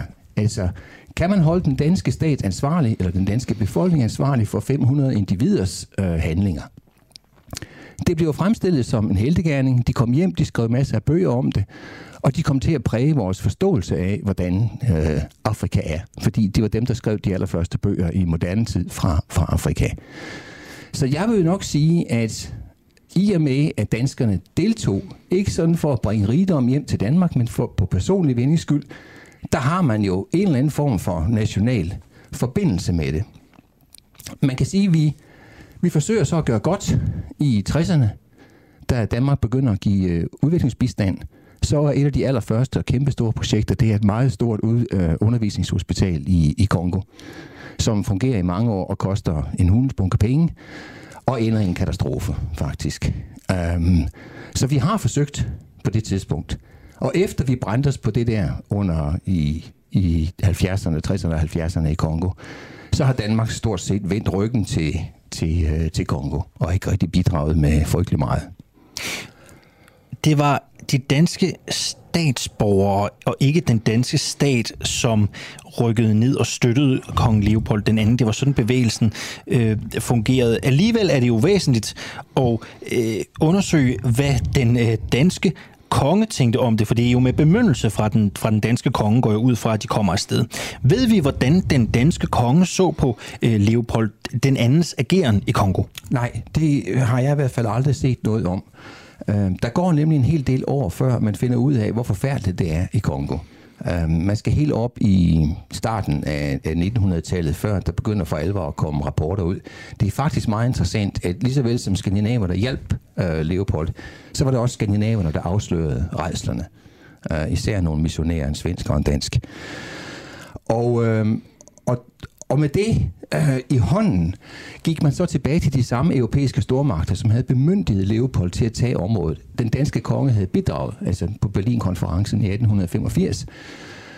Og der laver man så en undersøgelse, helt sådan på moderne vis. Man sender nogen ud og laver en undersøgelse. De kommer hjem og fortæller, at det er helt rigtigt. Det foregår forfærdelige ting. Og Leopold har svigtet alle tre løfter. Der er ikke frihandel. Øh, der er folk, der lever under slavelignende vilkår. Og øh, der er ikke fri forkyndelse. Det er kun belgerne, der får lov til for alvor at komme til. Og så gør statsmagterne det, igen, også med den danske konges øh, velsignelse, at man tager fristaten fra Leopold. Siger simpelthen, du har misligeholdt aftalen, det er, det er slut, vi opsiger den. Og så tvinger de ham til at aflevere øh, kolonien til den belgiske stat. Mm. Så der er den danske konge altså med i det igen. Hvad han derimellem tænkte, det ved vi faktisk ikke rigtig noget om, der, fordi jeg tror ikke, han blandede sig i debatten. Den her del af den danske historie er jo ikke så fortalt, kan jeg vist godt sige. Den er ikke så udbredt, den er ikke så almindelig. Hvorfor er det her kapitel blevet sådan en, en glemt del af dansk kolonihistorie? Jeg tror, at øh, der er sikkert flere grunde til det. Altså, den første og den vigtigste, tror jeg, er, at det er fordi, det involverer ikke statslige organer eller, privat, eller, eller, eller store firmaer. Det er private øh, enkelte individer, der tager afsted. Det tror jeg er den første forklaring. Så der er ikke rigtig så mange til at fortælle historien ud over de der individer sidenhen. Det andet er, at jeg tror, når vi kommer hen i 20'erne og 30'erne, der skrev de der Kongo fra rigtig mange bøger og de blev solgt i stort oplag i Danmark, og, og mange af dem blev meget berømte. Men så kommer 2. verdenskrig, og efter 2. verdenskrig er det, og de rejsler, der var der især over for jøderne, er det fuldstændig plukkemuligt at opretholde forestillingen om, at den hvide mand er særlig, særlig civiliseret. Og dermed bliver det pludselig opfattet som noget grimt noget, de har gjort, de der kongofarer. Og så går det totalt i glemmebogen der i, i efter 2. verdenskrig. Har der været en form for har der været en form for efterspil? Danmark kontra Kongo? Altså har der været krav om undskyldninger? Har der været krav om indrømmelser fra øh, Kongo til Danmark i, i nyere tid? Har der været nogen kur på tråden? Nej, det har der ikke, fordi at i Kongo, der opfattede man jo, altså kongoleserne opfattede jo først og fremmest øh, de hvide som de hvide. De var jo ikke rigtig i stand til at skelne mellem den ene og den anden slags. Det var det ene, og det andet var, at belgierne var meget hurtige til at tage æren for hvad som helst, der var foregået. Øhm, så de skrev sådan set også danskerne og, og de øvrige skandinaver ud af historien, på trods af, at de spillede en fuldstændig afgørende rolle. Så, så, så, så Kongo opdagede sådan set ikke rigtigt, øh, hvad vi havde bidraget med på det tidspunkt. Til gengæld bidrog vi jo ret betydningsfuldt til den FN-styrke, der blev indsat i starten af 60'erne i den kongolesiske borgerkrig. Um, og det er der måske nogle minder om, det skal jeg ikke kunne sige. Um, men, men der har aldrig været rejst krav fra kongolesisk side mod, mod Danmark eller de øvrige skandinaviske lande. Du har selv dyrket den her historie og skrevet bogen. Hvorfor synes du, den er vigtig? Ja, den er vigtig, fordi at, at øh, i, i min opfattelse har vi en moralsk forpligtelse her i verden til at sørge for, at folk har et ordentligt liv. Øhm, det er vores næste, det er vores kristne næste. Og, øhm, og Kongo har været mishandlet af forskellige europæiske lande igennem øh, århundreder. Og vi har, har, vi har deltaget i den her mishandling, og vi er en del af Europa, der har nyt godt af, af det forhold, vi har haft til Afrika lige siden. Og vi er blevet meget rige af det. Og øh, jeg synes simpelthen, at vi har en moralsk forpligtelse til at bidrage til at bekæmpe fattigdom overalt i verden. Og ikke mindst et sted som Kongo, som er blevet så havet af, af Europa. Sagde Peter Thyssen, journalist og forfatter til bogen Kongo. Formoder jeg fortællinger fra Drømmeland. Tak skal du have, fordi du var med her til morgen. Det var så lidt. 11 minutter over 8 er klokken blevet, og om cirka 10 minutter, så giver jeg dig en opdatering på, hvor vi egentlig står i sagen med øh, svindel og dårligt arbejdsmiljø i Tornby Kommune. Min kollega Jakob Frausi kommer i studiet, og han fortæller om, hvor vi egentlig står henne i den her sag. Vi vil jo rigtig gerne have borgmesteren i øh, Tornby Kommune i tale. Det mangler vi at få, men vi slipper altså ikke historien. Det kan jeg øh, love for alt i verden. Halv ni kommer Julie Lovin i studiet hos mig. Hun har en toårig datter, og hun har øh, forfattet et, skal vi sige det mildt, meget delt Facebook-opslag. Hun vil nemlig gerne have, at hendes datter får serveret vegansk mad i vuggestuen. Det er ikke tilfældet i dag, og det er for dårligt, øh, mener Julie Lovin. Men skal vi virkelig indrette os efter mindretallet, eller må hun bare give sin datter madpakke med? Det spørger vi om, når klokken den bliver halv ni. Nu skal vi vende os mod det tema, som fyldte massivt her på øh, vores morgenflade i går, nemlig aktiv dødshjælp. Og vi spørger i dag, om det er uetisk at hjælpe dødelig syge med at begå selvmord. For selvom aktiv dødshjælp er ulovligt, så fortalte tidligere læge Svend Lings os i går, at han har hjulpet op mod 1900 mennesker med at begå selvmord over de seneste fem år. Han siger, at mennesker, der lider med dødelige sygdomme, dagligt spørger ham, hvordan de bedst tager deres eget liv. Det er sådan ubetinget nok nok det sværeste interview, jeg har lavet i, øh, i min karriere, og jeg har interviewet øh, mange, der enten har været skinger, kontrære eller kontroversielle. Men det her var både kontroversielt og også en, en, en Øh, en smule øh, følelsesmæssigt øh, svært. Øh, prøv lige at lytte til øh, et par minutter med Svend Links øh, fra øh, i går. Du sagde til mig i starten af interviewet, sidst du talte om de her sager, det var Radio 24 i 2017, der sagde du, at du havde hjulpet mere end 10 personer med at dø. Her i morgen siger du til mig på Den Uafhængige, at du har hjulpet i 2021 mere end 100 mennesker med at dø det er, det, det er svært at tale om. Det synes jeg. Jeg synes, det er svært at tale om. Jeg, jeg, du, virker, du virker meget fattet, øhm, og det kan der være mange grunde til. Hvorfor stiller du op og, og taler om det her øh, så åbent? Hvorfor, hvorfor vil du gerne øh, fortælle om det? Der er jo ingen tvivl om, at vi gerne vil høre om det, fordi det er jo, du rejser en interessant debat. Men hvorfor stiller du op og snakker om det? Fordi den ene opinionsanalyse efter den anden i overvis har vist langsomt stigende tilslutning til aktiv dødshjælp. I op på mellem 70 og 80 procent af befolkningen hver eneste gang. Mm. Men politikerne ignorerer det. Jeg ved jo, at der er mange mennesker derude, der ligger og lider og gerne vil hjælpes, og helst også lovligt. Men politikerne ignorerer det. Og så mener jeg, så er der ikke længere tale om demokrati, så er der tale om politikervælde. Og så er det ja. befolkningens ret og pligt at gøre oprør, og det er det, jeg er i gang med. Hvor længe bliver du ved? Til jeg dør. Vil du selv tage livet af dig selv, hvis du en dag oplevede, at livet blev for svært eller for besværligt, gjorde for ondt? Jeg, jeg både min kone og mig selv har, har, har, har det liggende, der skal til. Okay. Vil du godt kunne hjælpe din egen kone med at komme herfra? Vil du have det øh, fint nok med det? Selvfølgelig, hvis hun beder, selvfølgelig, hvis hun beder mig om det. Okay. Og jeg synes, at jeg kan følge, og jeg kan leve mig ind i hendes situation. Øhm, hvor mange år har du gjort det her i? Ja, jeg udgav min bog i 2014, og så begyndte det lige så selv. Okay. Så det har stået på i 4-5 år. 4-5 år. Og der har du hjulpet mere end 100 mennesker med at komme herfra? Mange hundrede, det er cirka en om dagen i snit. Mange hundrede. Hvad, sådan helt præcist, hvad, hvad er vi oppe på? Øh, jeg er dårlig til tal, det skal jeg ærligt indrømme. Hvor mange er vi oppe på? Ja, hvis vi siger, at det i gennemsnit er en om dagen, så er det ja. altså 365 om året. Ja. Og det er 4-5 år. Så 365 altså gange 5. Prøv, prøv lige at ja. høre, jeg har ikke min... Prøv, hvem har en mobiltelefon? Prøv lige at, at sige 365 gange 5. Jeg kan, jeg kan ikke regne det ud i hovedet. Jeg, kan, jeg er ikke god til tal. Min det er øh, kollega Clara... 1900. Kom lige ind med telefonen, klar. Så jeg kan se det. Det er 1825 mennesker, øh, du har øh, hjulpet med at komme herfra cirka, hvis vi ja. holder fast i det. Svend Lings, øh, tak fordi du havde lyst til at være med i uh, interview. Okay. Øh, tak skal du have, og god okay. dag til dig. Jamen. Øh, Svend Lings, øh, pensioneret læge, øh, som har været med til at få 1825 mennesker cirka, altså over 1800 mennesker herfra.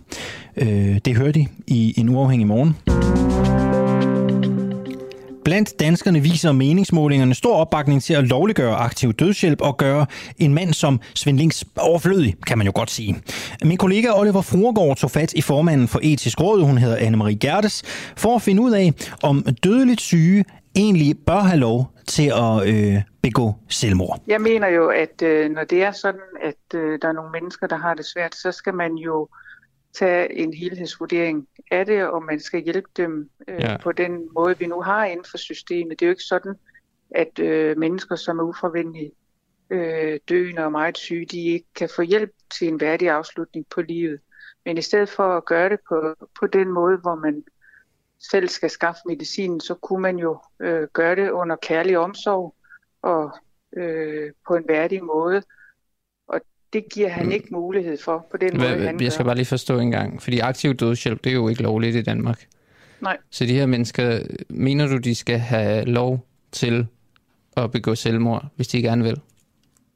Jeg synes, den model, som jeg har fået beskrevet, men nu har jeg jo ikke siddet og hørt, hvordan jeg snakker med folk, men at rådgive via en telefonsamtale eller e-mail om så øh, alvorlige beslutninger, synes jeg jo, at det kræver mere, og det kræver jo også, at man kender øh, patientens øh, helhedssituation, og man skal være sikker på, at patienten har fået tilbudt alle de muligheder, der er inden for det offentlige system, fordi der er jo både mulighed for støtte, der er også mulighed for pleje, der er også mulighed for lindring og mm. palliation. Mm. Så der er en hel palette af muligheder, som er inden for det eksisterende system, i stedet for...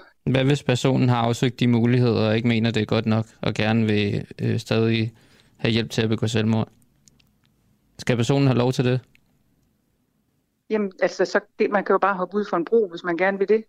Altså, Okay, det er jo så ikke er det... at begå selvmord, vel? Altså, Nej, det men med, mener at du, det- at det er bedre, at personen hopper ud fra en bro, end Det at personen sagt. bliver rådgivet af Svend? Nej, men jeg spørger Det dig også bare. Nej, jeg spørger dig også bare.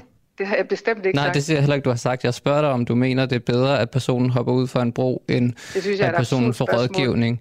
Det kan du så synes, men hvis personen har afsøgt de muligheder, der er i det offentlige, og gerne vil begå selvmord, så svarer du, at personen kan jo bare hoppe ud fra en bro, hvis de vil. Vi kan jo ikke forhindre folk i at begå selvmord.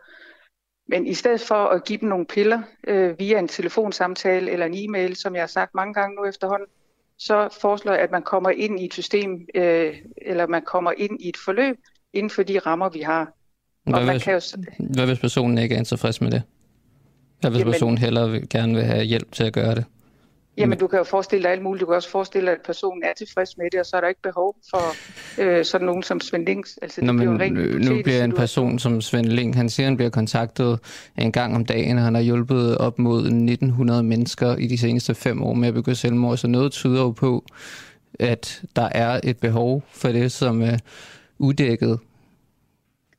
Jamen, du ved jo ikke, hvor mange af dem, der så har øh, begået selvmord. Nej, men jeg ved, at de har kontaktet ham og bedt Ja, om men hjælp du til ved det. ikke, om de har begået selvmord.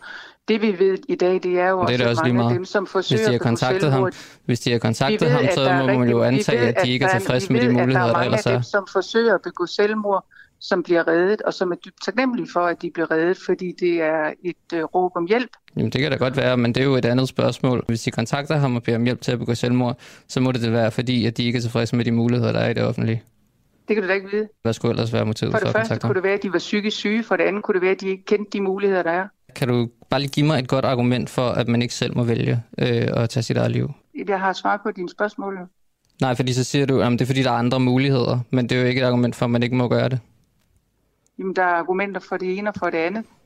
Mit argument, det er, at jeg synes, at øh, det er en forkert løsning på et meget komplekst problem. Så hvad er der forkert i det? Jamen, nu spørger du om det samme fjerde gang. Men det er fordi, du ikke svarer på spørgsmålet. Undskyld, men det er fordi, det du ikke svarer. ikke. Jeg spørger dig, hvorfor, hvad, er for, hvad er problemet i Hvor at længe har du tænkt dig at blive ved med det her? Fordi at, øh, og jeg har sådan set nogle andre aftaler. Nå, men prøv at høre. Man kan jo så bare selv vurdere, om du har svaret, og så kan vi sige, at vi er færdige nu.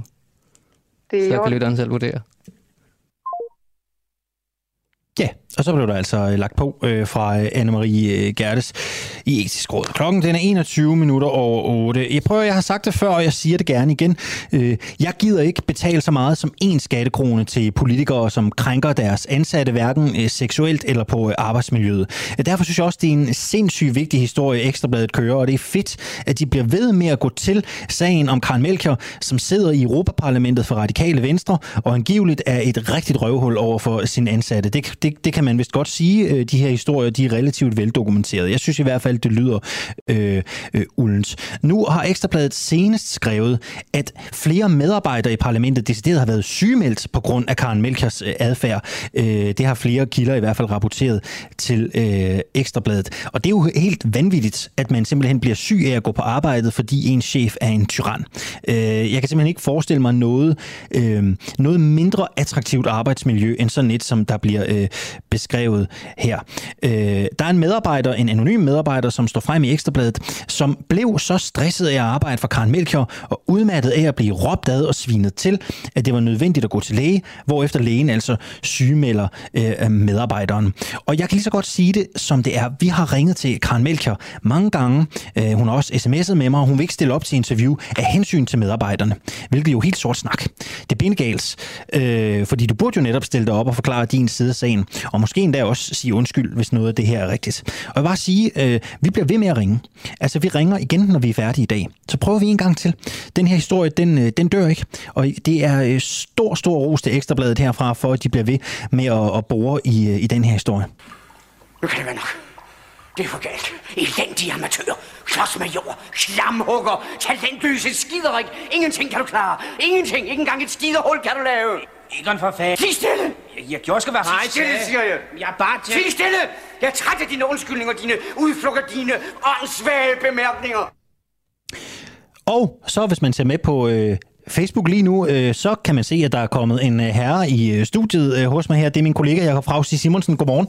Godmorgen, Alexander. Jakob, vi skal jo tale om øh, status på den her historie, som vi har kørt øh, hele ugen, om, om øh, lovbrud og dårligt arbejdsmiljø i Tornby øh, Kommune. Ja. Øh, mandag morgen, der deltog jobcenterchefen øh, Bo Hammer øh, jo i et øh, interview her på en uafhængig morgen. Her fortalte han om både dårlig ledelse og lovbrud i kommunens forvaltning. Og vi har jo siden forsøgt og, og, og få svar på, hvad der er op og ned. Vi talte blandt andet med Ali Kajs fra øh, kommunalbestyrelsen i Tornby øh, Venstre. Øh, vi vil også gerne have borgmesteren i tale, men, men vi ved ikke noget endnu. Frausi, hvor står vi med den her historie på nuværende tidspunkt? Hvor langt er vi? Jamen, øh, lige her til morgen øh, er vi jo faktisk øh, i den situation, at vi fra flere, øh, flere kilder øh, kan bekræfte, at øh, den forvaltningschef, som øh, Bohammer er anklaget for, øh, for dårligt arbejdsmiljø, for at stå øh, hvad er årsagen til det dårlige arbejdsmiljø? Han bliver simpelthen flyttet fra sin stilling i dag. Øh, der Hvor ved en, vi det fra? Det ved vi fra flere kilder i, i og omkring øh, forvaltning ja. og i kommunen, øh, som, øh, som uafhængig af hinanden har bekræftet, at der er indkaldt til møde her klokken halv ni blandt medarbejderne. Om fem minutter, ja. Ja, og der vil det simpelthen blive bekræftet, at øh, den forvaltningschef, som Bo Hammer øh, omtalte, bliver flyttet fra sin stilling. Bliver han degraderet? Øh, bliver han øh, flyttet til en anden chefstilling? Ved vi, hvad der kommer til at ske? Nej, reelt set ved vi ikke nu øh, præcis, hvad der, hvad der skal ske med ham, om han bliver øh, i kommunen eller, eller, eller andet. Men øh, vi ved, at han bliver sat fra sin stilling som forvaltningschef. Så, øh, så det er jo øh, en, en, noget en konsekvens, må man sige, i forhold til, øh, at, øh, at det var i mandags, at vi ligesom fik bragt bragt ud, at, at, at det her var en, var en ting, og Bo Hammer ligesom fik, fik fortalt, hvor gralt det stod til. Prøv, jeg kan ikke lige få dig til at rykke mikrofonen en lille smule tættere på munden, øh, så kan vi høre dig bedre. Ja, er det bedre nu? Meget bedre, meget bedre. Yes.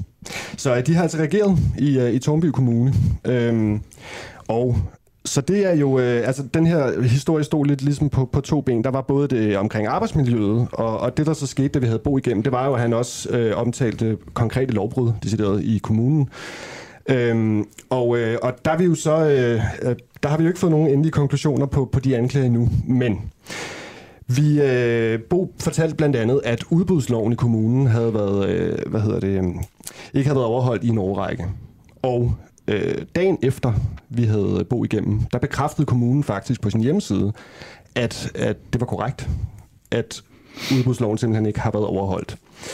Øh, og siden da, der har jeg prøvet ret, øh, ret hissigt at finde ud af, hvad det præcis drejer sig om, det her lovbrud. Og øh, vi har simpelthen mødt en mur. Øh, der er ingen, der vil tale med os. Vi har kontaktet øh, formanden for... Øh, for øh, beskæftigelsesudvalget. Vi har taget kontaktet øh, hvad hedder det, kommunaldirektøren og borgmesteren, og der er ingen, der vil tale med os. Og, øh, og derfor så, øh, så synes jeg, at jeg lige nu vil, øh, vil oprise nogle spørgsmål, som vi rigtig, rigtig gerne vil have svar på i den her forbindelse. Fordi, som sagt har kommunen indrømmet, at forvaltningsloven ikke er overholdt. Vi ved ikke, hvor lang tid. Det vil vi rigtig gerne vide. Vi vil gerne vide, hvornår borgmesteren blev klar over, at forvaltningsloven ikke er overholdt. Vi vil også rigtig gerne vide, øh, hvilke aktører, altså det her med forvalt, øh, udbudsloven ikke er overholdt, det drejer sig jo om, at kommunen uddelegerer nogle opgaver til, til, til private aktører. Og, øh, og hvis de her opgaver er over en, en vis størrelse, altså rent beløbsmæssigt, så skal de simpelthen i offentlig udbud for at sikre, at kommunen får det bedste tilbud. Øhm, men vi ved ikke, hvilke aktører, der har fået de her opgaver. Vi ved ikke, hvor mange penge de har fået for opgaverne. Og vi ved ikke, hvor mange penge kommunen sammenlagt har brugt, uden at de altså har fulgt reglerne. Og, øh, og det, er jo, øh, det er jo noget, vi øh, selvfølgelig rigtig, rigtig gerne vil have svar på. Og øh, noget, vi rigtig gerne vil spørge Allan S. Andersen, som er borgmesteren ude i Tornby, mm. om. Men øh, det har vi indtil videre ikke kunne, øh, kunne lykkes med, og, øh, og derfor så arbejder vi selvfølgelig videre. Ja, hvad er næste stik? Jamen altså, øh, næste stik er jo, at... Øh, altså, det bliver jo en lille smule teknisk det her, ikke? Men Styrelsen for Arbejdsmarked og Rekruttering har faktisk bedt Tornby Kommune om at levere en redegørelse. Øh, blandt andet også i forhold til de her udbud og en række andre punkter.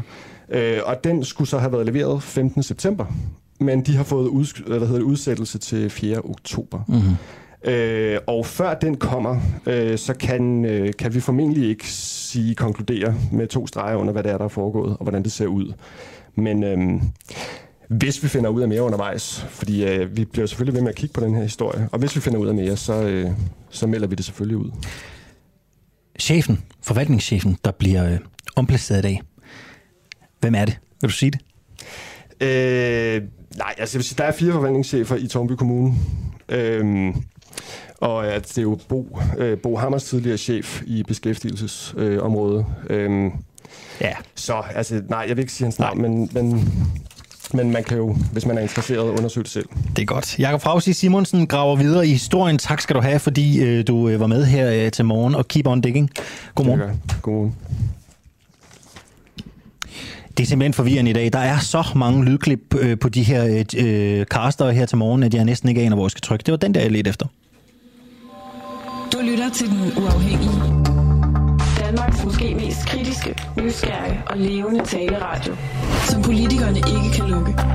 Mere end 3.000 medlemmer støtter os allerede, og jo flere vi er, jo mere og jo bedre journalistik kan vi sende ud til dig. Se hvordan du kan støtte os. Gå ind på duah.dk.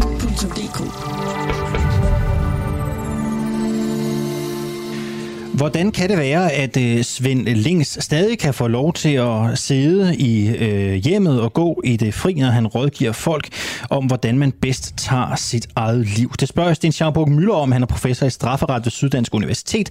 Det gør vi om cirka øh, 10 øh, minutter. Først øh, en lille sjov, kuriøs sag fra øh, den italienske verden. For i Rom, der bliver vildsvinet til synligheden et vigtigt emne i valgkampen.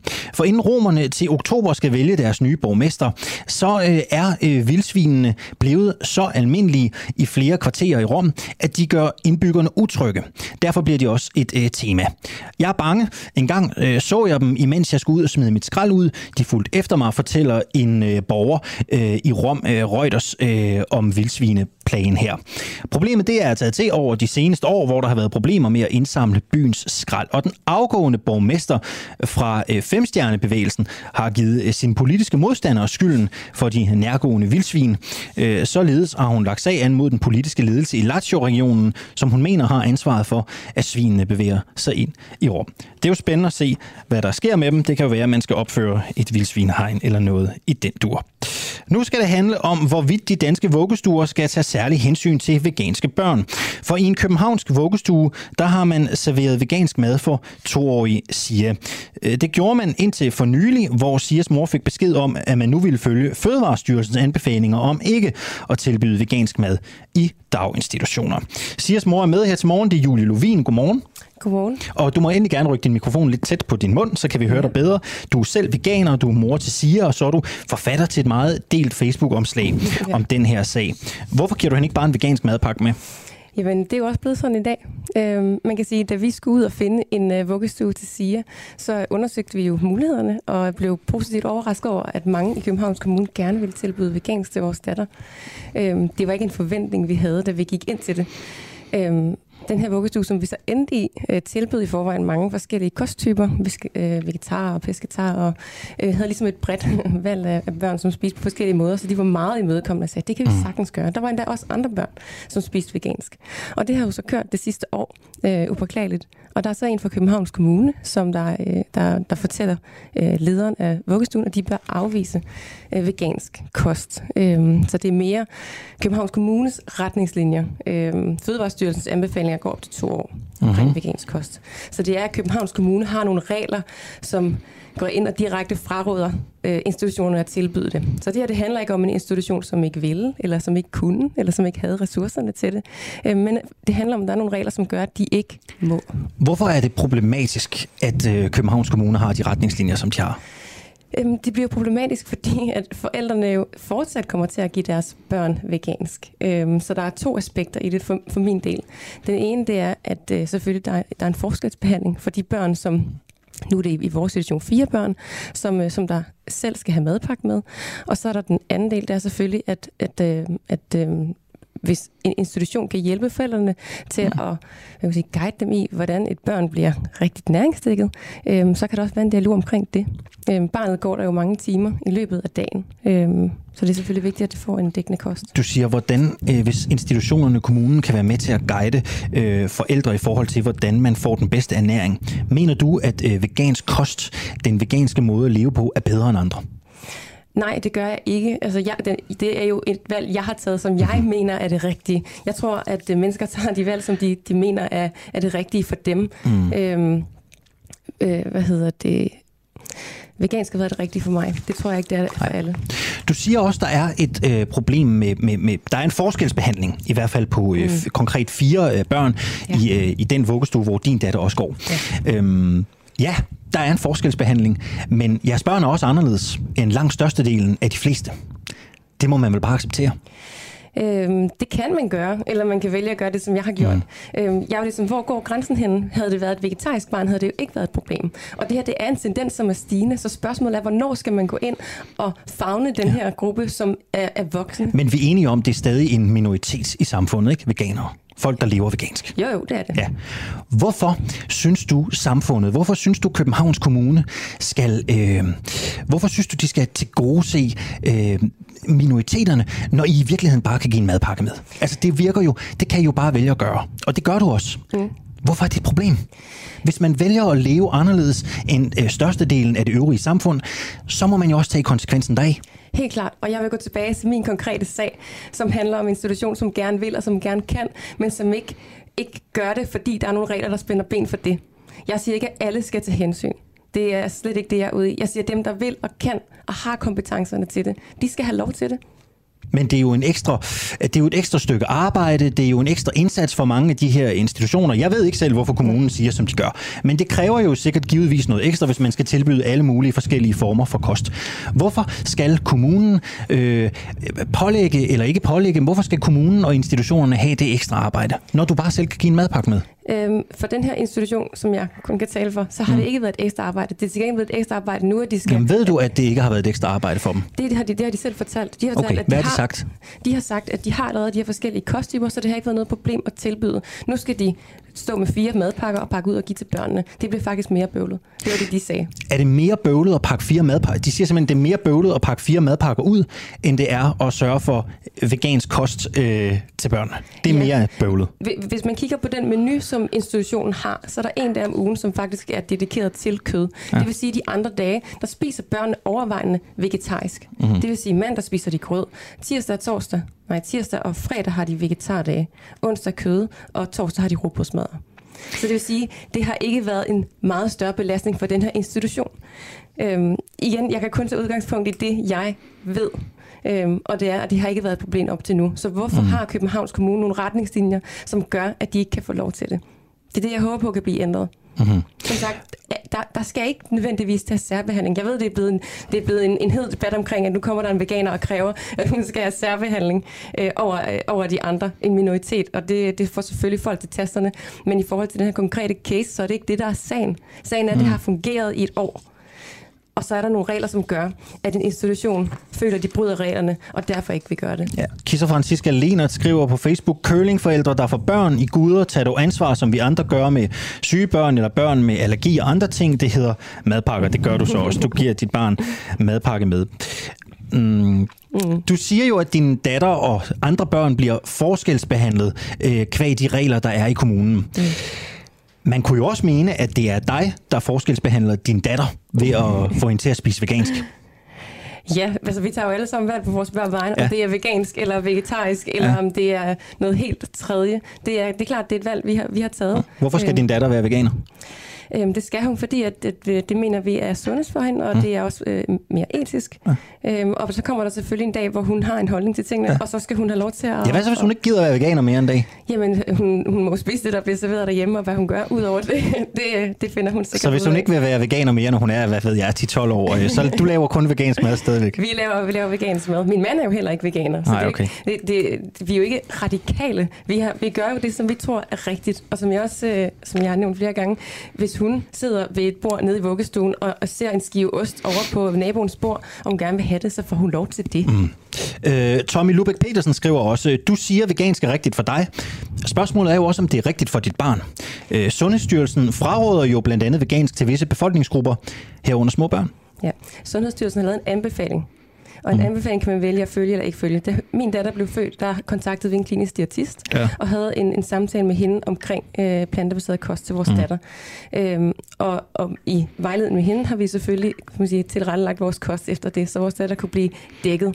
Øhm, kigger ja. man på vores nabolande øh, og deres sundhedsmyndigheder, så går de faktisk ind og siger, at en vegansk og vegetarisk kost kan være nærende for et, et barn i voksalderen. Ved du, hvad jeg synes, der er sjovt? Nej. Når man interviewer veganer som dig, ikke? jeg må rose jer for, at I altid kommer og er ekstremt velforberedt, ikke? med analyser og ting og øh, alt muligt andre steder fra. Synes du, det er irriterende, at folk øh, som mig kommer og øh, peger fingre og siger, øh, du prøver bare at pådute alle mulige andre den samme holdning, som du selv har. Synes du, det er irriterende, at man skal stå på mål for øh, så meget som veganer? Som jeg tror, man nogle gange skal. Men man skal selvfølgelig stå, stå lidt på mål, og det er jo, fordi der er nogle meget kraftige holdninger til øh, nogle veganer, som har været meget, øh, meget højt råbende. Øh, jeg håber da på, at, at øh, spændet mellem ikke-veganer og veganer kan blive mindre, for jeg tror ikke, det er så stort. Øhm, er det irriterende at skulle stå på mål for lidt nogle gange? Det er det da. Men du øhm, blander dig vel også i debatten for det, at gøre det, ikke? Det har jeg jo gjort nu. Det er normalt ikke noget, noget som jeg, jeg, jeg gør mig så meget i, fordi at, som sagt, jeg, jeg har ikke et ønske om at, at overbevise dig om, at det, mm. jeg gør, er det rigtige. Hvis du, hvis du bliver inspireret af, af måden, jeg lever på, så er jeg glad. Men jeg, jeg har ikke interesseret Nej. i, at, at, at du skal leve vegansk. Det, det må du selv finde ud af. Synes du, det er bøvlet at smøre madpakken til din datter om morgenen? Øh, ja, det synes jeg faktisk. Det synes du er lidt bøvlet? ja, det okay. synes jeg. Hvor, hvor, hvor lang tid tager det? Jamen, det kommer lidt på, hvad jeg laver. Nu øh, er jeg jo lidt ambitiøs på min datters vegne. Jeg ja. vil gerne have, at hun får et, et rigtigt... Så hvad får hun med på madpakke? Hun er to år. det, det er meget forskelligt. Forleden ja. dag, der lavede jeg en uh, linsepastasauce med, med, med kidney bø, hvad hedder sådan nogle bøffer til. Til en toårig? Til en toårig, ja. Det fik jeg sgu ikke, da jeg var to år. Vildt nok. Nej. Øhm, om mandagen, der får de grød ned i vuggestuen, så det får hun sammen med de andre. Okay. Øhm, men ellers så bliver det forskellige ting. Okay.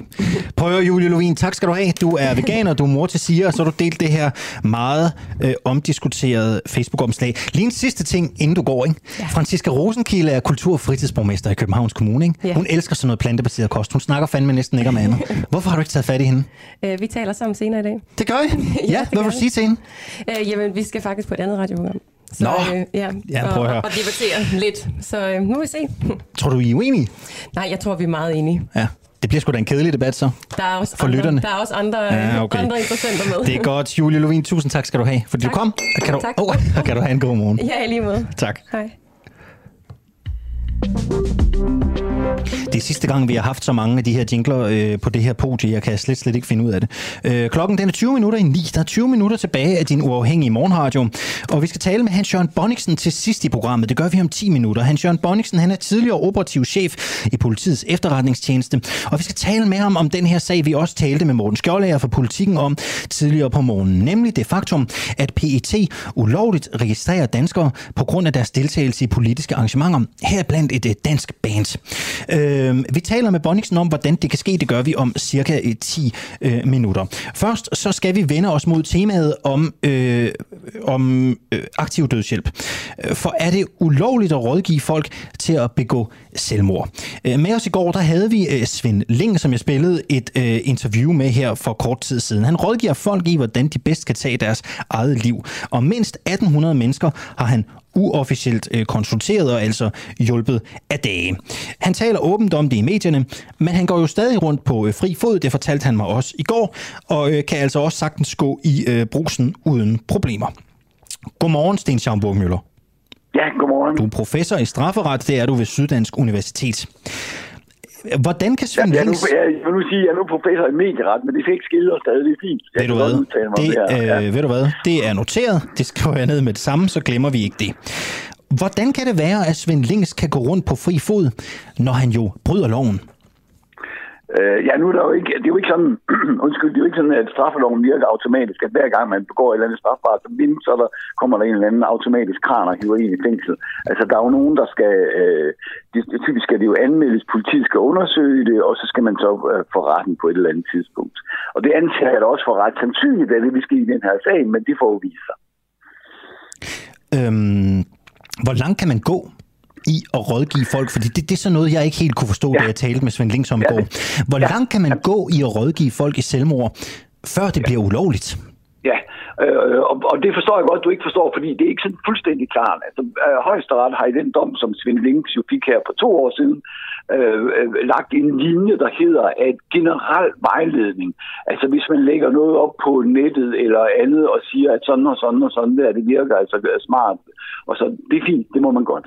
Men konkret medvirken til en enkelt person, hør her, du skal huske at snøre posen, når du tager en plastikpose på, eller altså alle sådan nogle ting, så bliver det strafbart. Mm-hmm. Øh, og, og det kan jo selvfølgelig være lidt svært at vurdere, og det er jo derfor, vi har domstolen, så kan de jo vurdere, jamen, hvad er det, der er tilfældet i den her sag. Men det er altså den linje, højesteret har lagt, og der, der mente, øh, ja, højesteret, der må være en lille smule uenige, der var tre tilfælde, de var jo enige om, at i to af tilfælde, det havde Svend Links ydet sådan en konkret rådgivning til øh, enkelte personer, at det var strafbart, øh, og han fik så i alt, jeg tror, det var 60 dages betinget fængsel. Så lad os lige tage udgangspunkt i et konkret eksempel her. Da Svend Links var igennem hos mig i går, der talte vi blandt andet om hans selvmordsvejledning. Øh, han har skrevet sådan en, den ligger tilgængelig på nettet. Ja. Jeg fik ham til at læse lidt op af den, og så stoppede jeg ham, inden det blev konkret. Ja, ja. Hvis Svend Links havde læst mere op, hvis jeg havde sagt, fortsæt bare, lad os komme ned til øh, værktøjerne, så at sige. Havde han så brudt loven, eller havde det talt som, det er bare en generel vejledning?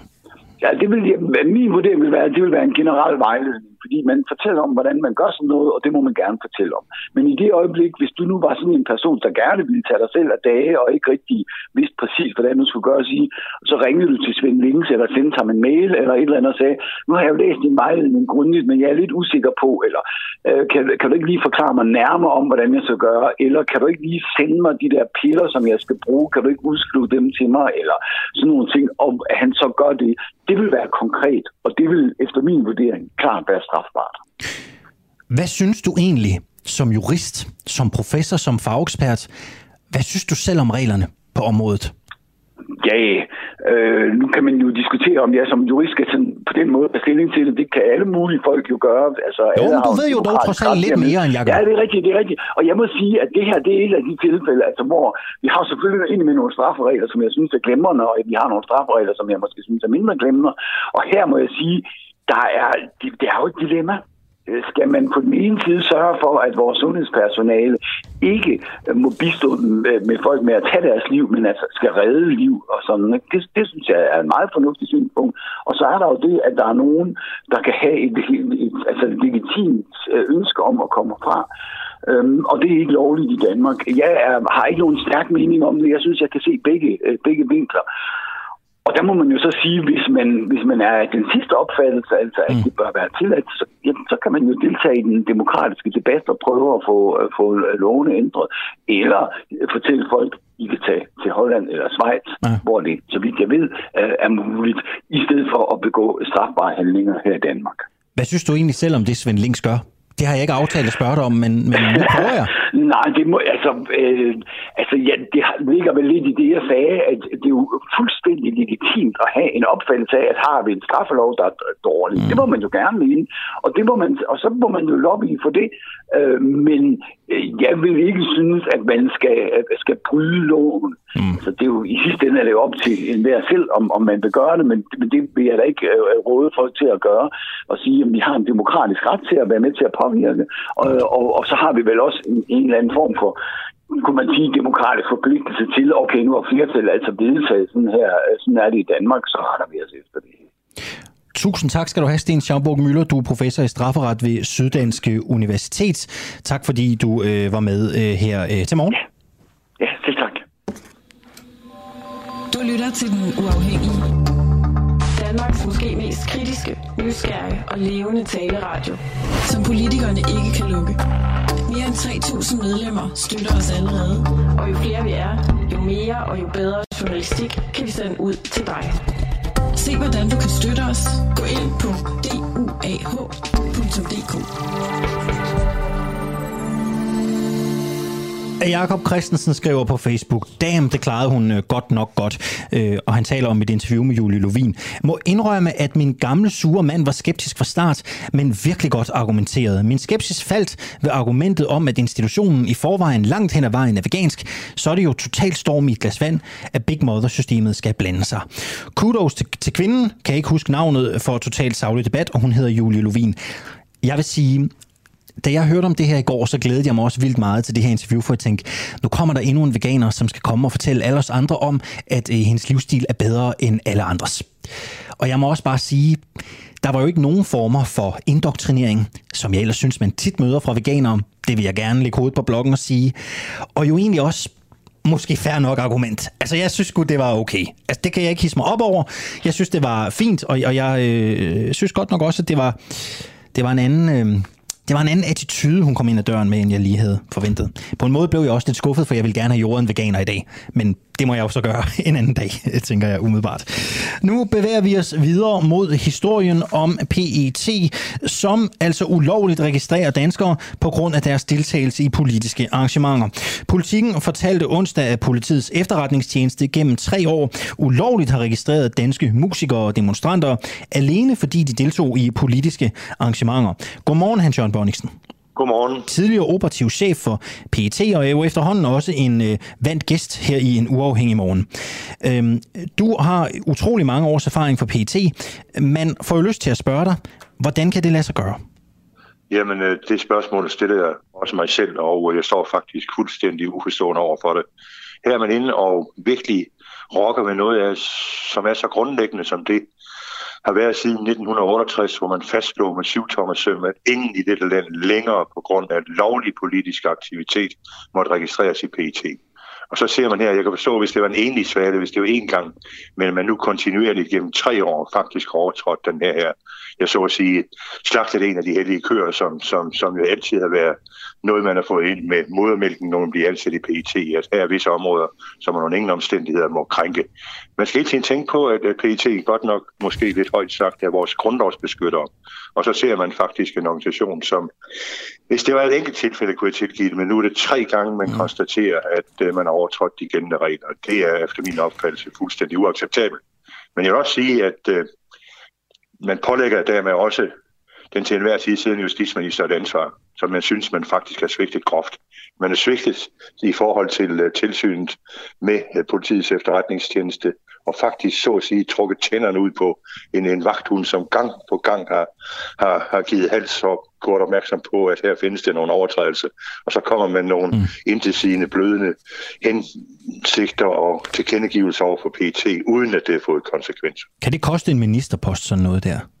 Jamen, efter min opfattelse, så er det jo ikke et spørgsmål om, om, om ministeren i første omgang er det den chef, som sidder i PT og administrerer det her gyldne regelsæt. Og der har man jo trods alt, og det har jo også vist sig i andre sager, der har man jo trods alt tjenestelovens bestemmelser med hensyn til det, i det øjeblik, man går en tjenesteforseelse. Efter min opfattelse er der, når man gentagende gange, og jeg lægger vægt på ordet gentagende gange, overtræder gældende regelsæt, jamen så er det faktisk en tjenesteforseelse. Og så kan man jo reagere med alt fra advarsel og helt frem til afskedelse. Prøv at høre, Bonniksen. Er PET bare blevet dårligere i de senere år? Er det blevet en, er det blevet en dårligere organisation? Kører tingene ja, dårligt? Dyb, dyb, dyb, dyb respekt for, hvad der foregår i, i, i PET. Og, og et gammelt ord siger, at, at, at den, man, man elsker, tugter man. Men, men, men her er vi altså inde i virkelig noget af, af kernerne i forhold til, til det område, som, som jo kan medvirke til, og som jeg har set i andre regier udvikle sig til en stat i staten. Og det må under ingen omstændigheder overhovedet øh, foregår. Så, så her er i hvert fald noget, man virkelig skal skræmme bremse op. Men jeg synes, at vores politikere stadigvæk de reagerer med, med teatertorden. Jeg ser gang på gang, at uh, ligegyldigt hvem det er, så taler man om, at det er en skandale, og man taler om, at det her det er fuldstændig uacceptabelt. Man taler om sjusk, men man gør intet som helst ved det. Tror så du, det de er falder altså også tilbage, falder også tilbage på vores politikere. Jeg tror, de er ligeglade. Kollegerne i allerhøjeste grad ikke. Men hvis Nej, jeg skal politikerne, finde politikerne, politikerne. Ja, jamen, jeg ved ikke. Jeg, jeg, jeg forstår det simpelthen ikke, fordi at nu har jeg fulgt den her sag siden 1900 og, eller 2014 og så frem til dags dato. Og gang på gang hører man, at de springer op som trold af en æske, og det er rent teatertorden. De går jo intet som helst ved det. Og jeg ved, ikke, jeg ved ikke hvorfor. Hvis jeg skal finde et eneste undskyldende moment i forhold til PT, så kan det være, at man sikkerhedsmæssigt har opbygget nogle IT-systemer, som faktisk gør det svært på en sådan måde at finde frem til de oplysninger, som, som bør øh, slettes så hurtigt som, som overhovedet muligt. Men, men det kan kun PT svare på. Hvad er det, der sådan konkret kan ske? Altså lad os lige prøve at hoppe ind øh, bag murene ude i Søborg. Hvad er det, der konkret kan være årsag til, at man øh, registrerer øh, danskere og så glemmer at slette de her oplysninger, som man jo så ikke har brug for. Altså, hvad, hvad fanden er det, der går galt? Kan du ikke prøve Jamen, at gøre os lidt klogere? Jamen, altså, selvfølgelig skal, skal, skal VT medvirke til at uh, foretage nogle uh, observationer og nogle registreringer af efterretninger, som relaterer sig til, til udenomsparlamentariske metoder. Altså, det er jo lovligt, og det er grundlovssikkert, at man kan deltage i en demonstration. Og det er alene det at deltage i en demonstration, at det skal medføre, at man bliver registreret i PT er jo fuldstændig uacceptabelt, for man skal tænke på, at det her kan få konsekvenser i forhold til dig og dine og dine lyttere og, og mig selv i det øjeblik, man for eksempel søger en stilling, ja, hvis man ikke kan sikkerhedsgodkendes, jamen, så mister man den her stilling. Så det kan altså få alvorlige konsekvenser i sidste ende. Men hvad er det, der sådan, hvad er det, der konkret går galt derinde? Jeg ved godt, du ikke sidder der selv, men hvad, altså, hvordan, kan man, hvordan kan man fuck så grundigt op i det? Altså, hvad, hvad er det? Er det Jamen, jeg, tror, jeg, jeg tror, hvis det skal finde en, en, en undskyldning, så er det, at man måske rent sikkerhedsmæssigt har opbygget nogle systemer, som er så adskilt og som er så kompliceret IT-mæssigt, at man ikke er i stand til helt præcist at sige, på den og den dato, så har man overtrådt uh, gældende regelsæt, og af de øh, ja, de faktorer, så er man i stand til at trykke på en knap og, og slette det. Det skal øh, nok være et, et, der, man finder, finder en af årsagerne Og hvor ved du det fra? Jamen, jeg ved det ikke. Det er bare en fornemmelse, jeg har ud fra, fra den erfaring, jeg har med hensyn til øh, at opbygge systemer sikkerhedsmæssigt, at de kan blive så kompliceret, at man, man, man så at sige mm. øh, næsten bygger en, en kolos på lærfødder.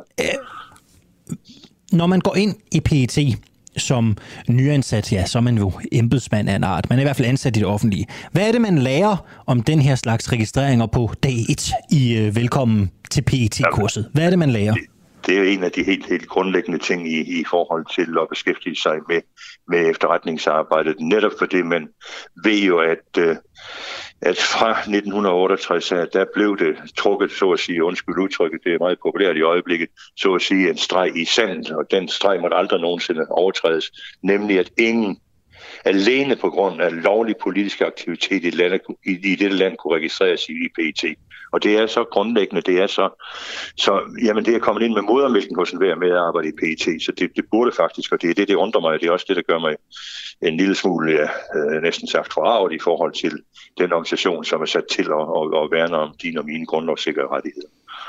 Hvem er det nu, der er chef for PET? Det er det Finn, øh, Finn, er det Finn Borg Andersen? Det er Finn Borg Andersen, ja, som er politimæssig PET, men, men vi kommer jo ikke udenom, at, at den allerøverste chef, det er nu engang justitsminister, og i øjeblikket er den ikke Hækkerup. Ja. Men jeg har også set tidligere justitsminister i forhold til, til når, når tilsynet er ude med kritik af PET, at de kommer med sådan en, en blød forblommet erklæring og håber på, at PET selvfølgelig vil rette ind. Men ja. det man gjort siden 2014, og det er ikke sket et klap ja. siden.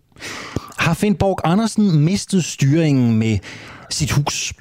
Nej, det ville være for groft for mig at overhovedet udtale sig om. Det, det er jeg ikke i stand til at, at, at vurdere, men jeg kan i hvert fald vurdere, at tilsynet nu gang på gang har påpeget, at der er nogle problemer i PET, og det er problemer, som bør løses så hurtigt som overhovedet muligt, netop af hensyn til dig og mig, ja. og også respekten for tilsynet.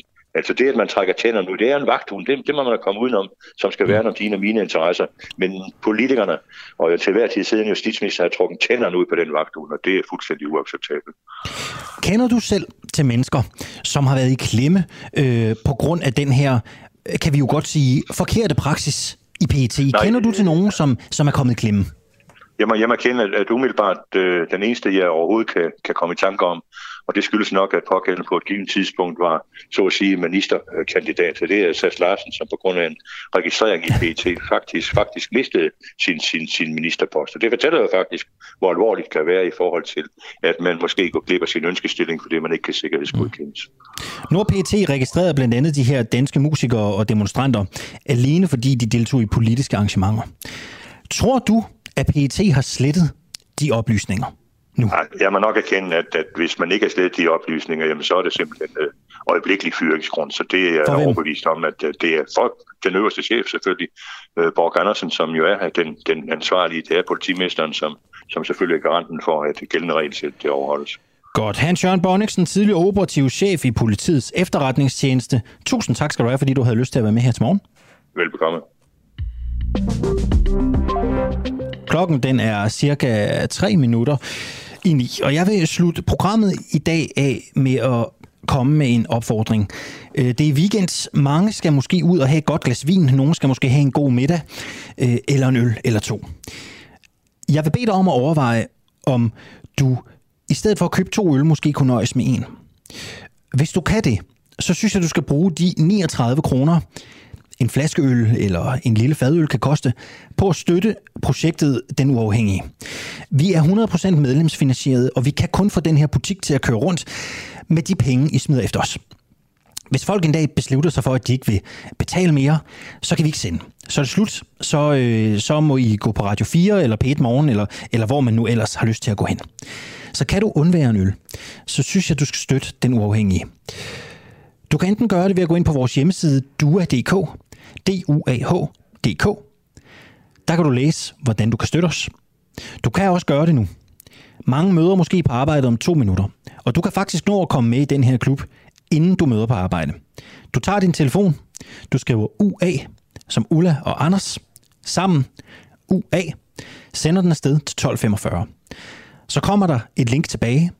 Det klikker du på, og så er du medlem, inden du møder ind til det første kedelige morgenmøde her klokken 9. Og hvis du gør det, så kan du også være med til vores eksklusive medlemsarrangement den 28. Det er så i næste uge. Det er på tirsdag, hvis jeg ikke tager meget fejl. Og her kan du høre lidt om, hvad vi går og arbejder med, hvordan vores gravegruppe arbejder, og du kan møde vores nye eftermiddagsvært, som er klar til at tage imod jer alle sammen den 1. oktober i tidsrummet 16 til 18. Jeg har ikke så meget mere på programmet den her morgen. Ude i redaktionen sidder Niklas Krarup og Peter Marstal. Det er Peter Svarts, der har redigeret dagens udsendelse. Jeg hedder Alexander Vils Lorentzen. Som altid, en udsøgt fornøjelse. Tak for at blande jer i debatten. Tak for at give os ris, ros og hvad der ellers måtte falde vores vej. På mandag kl. 7 står min kollega Asger Juler. Det kan I roligt glæde jer til. Vi lyttes ved alle sammen. Ulu.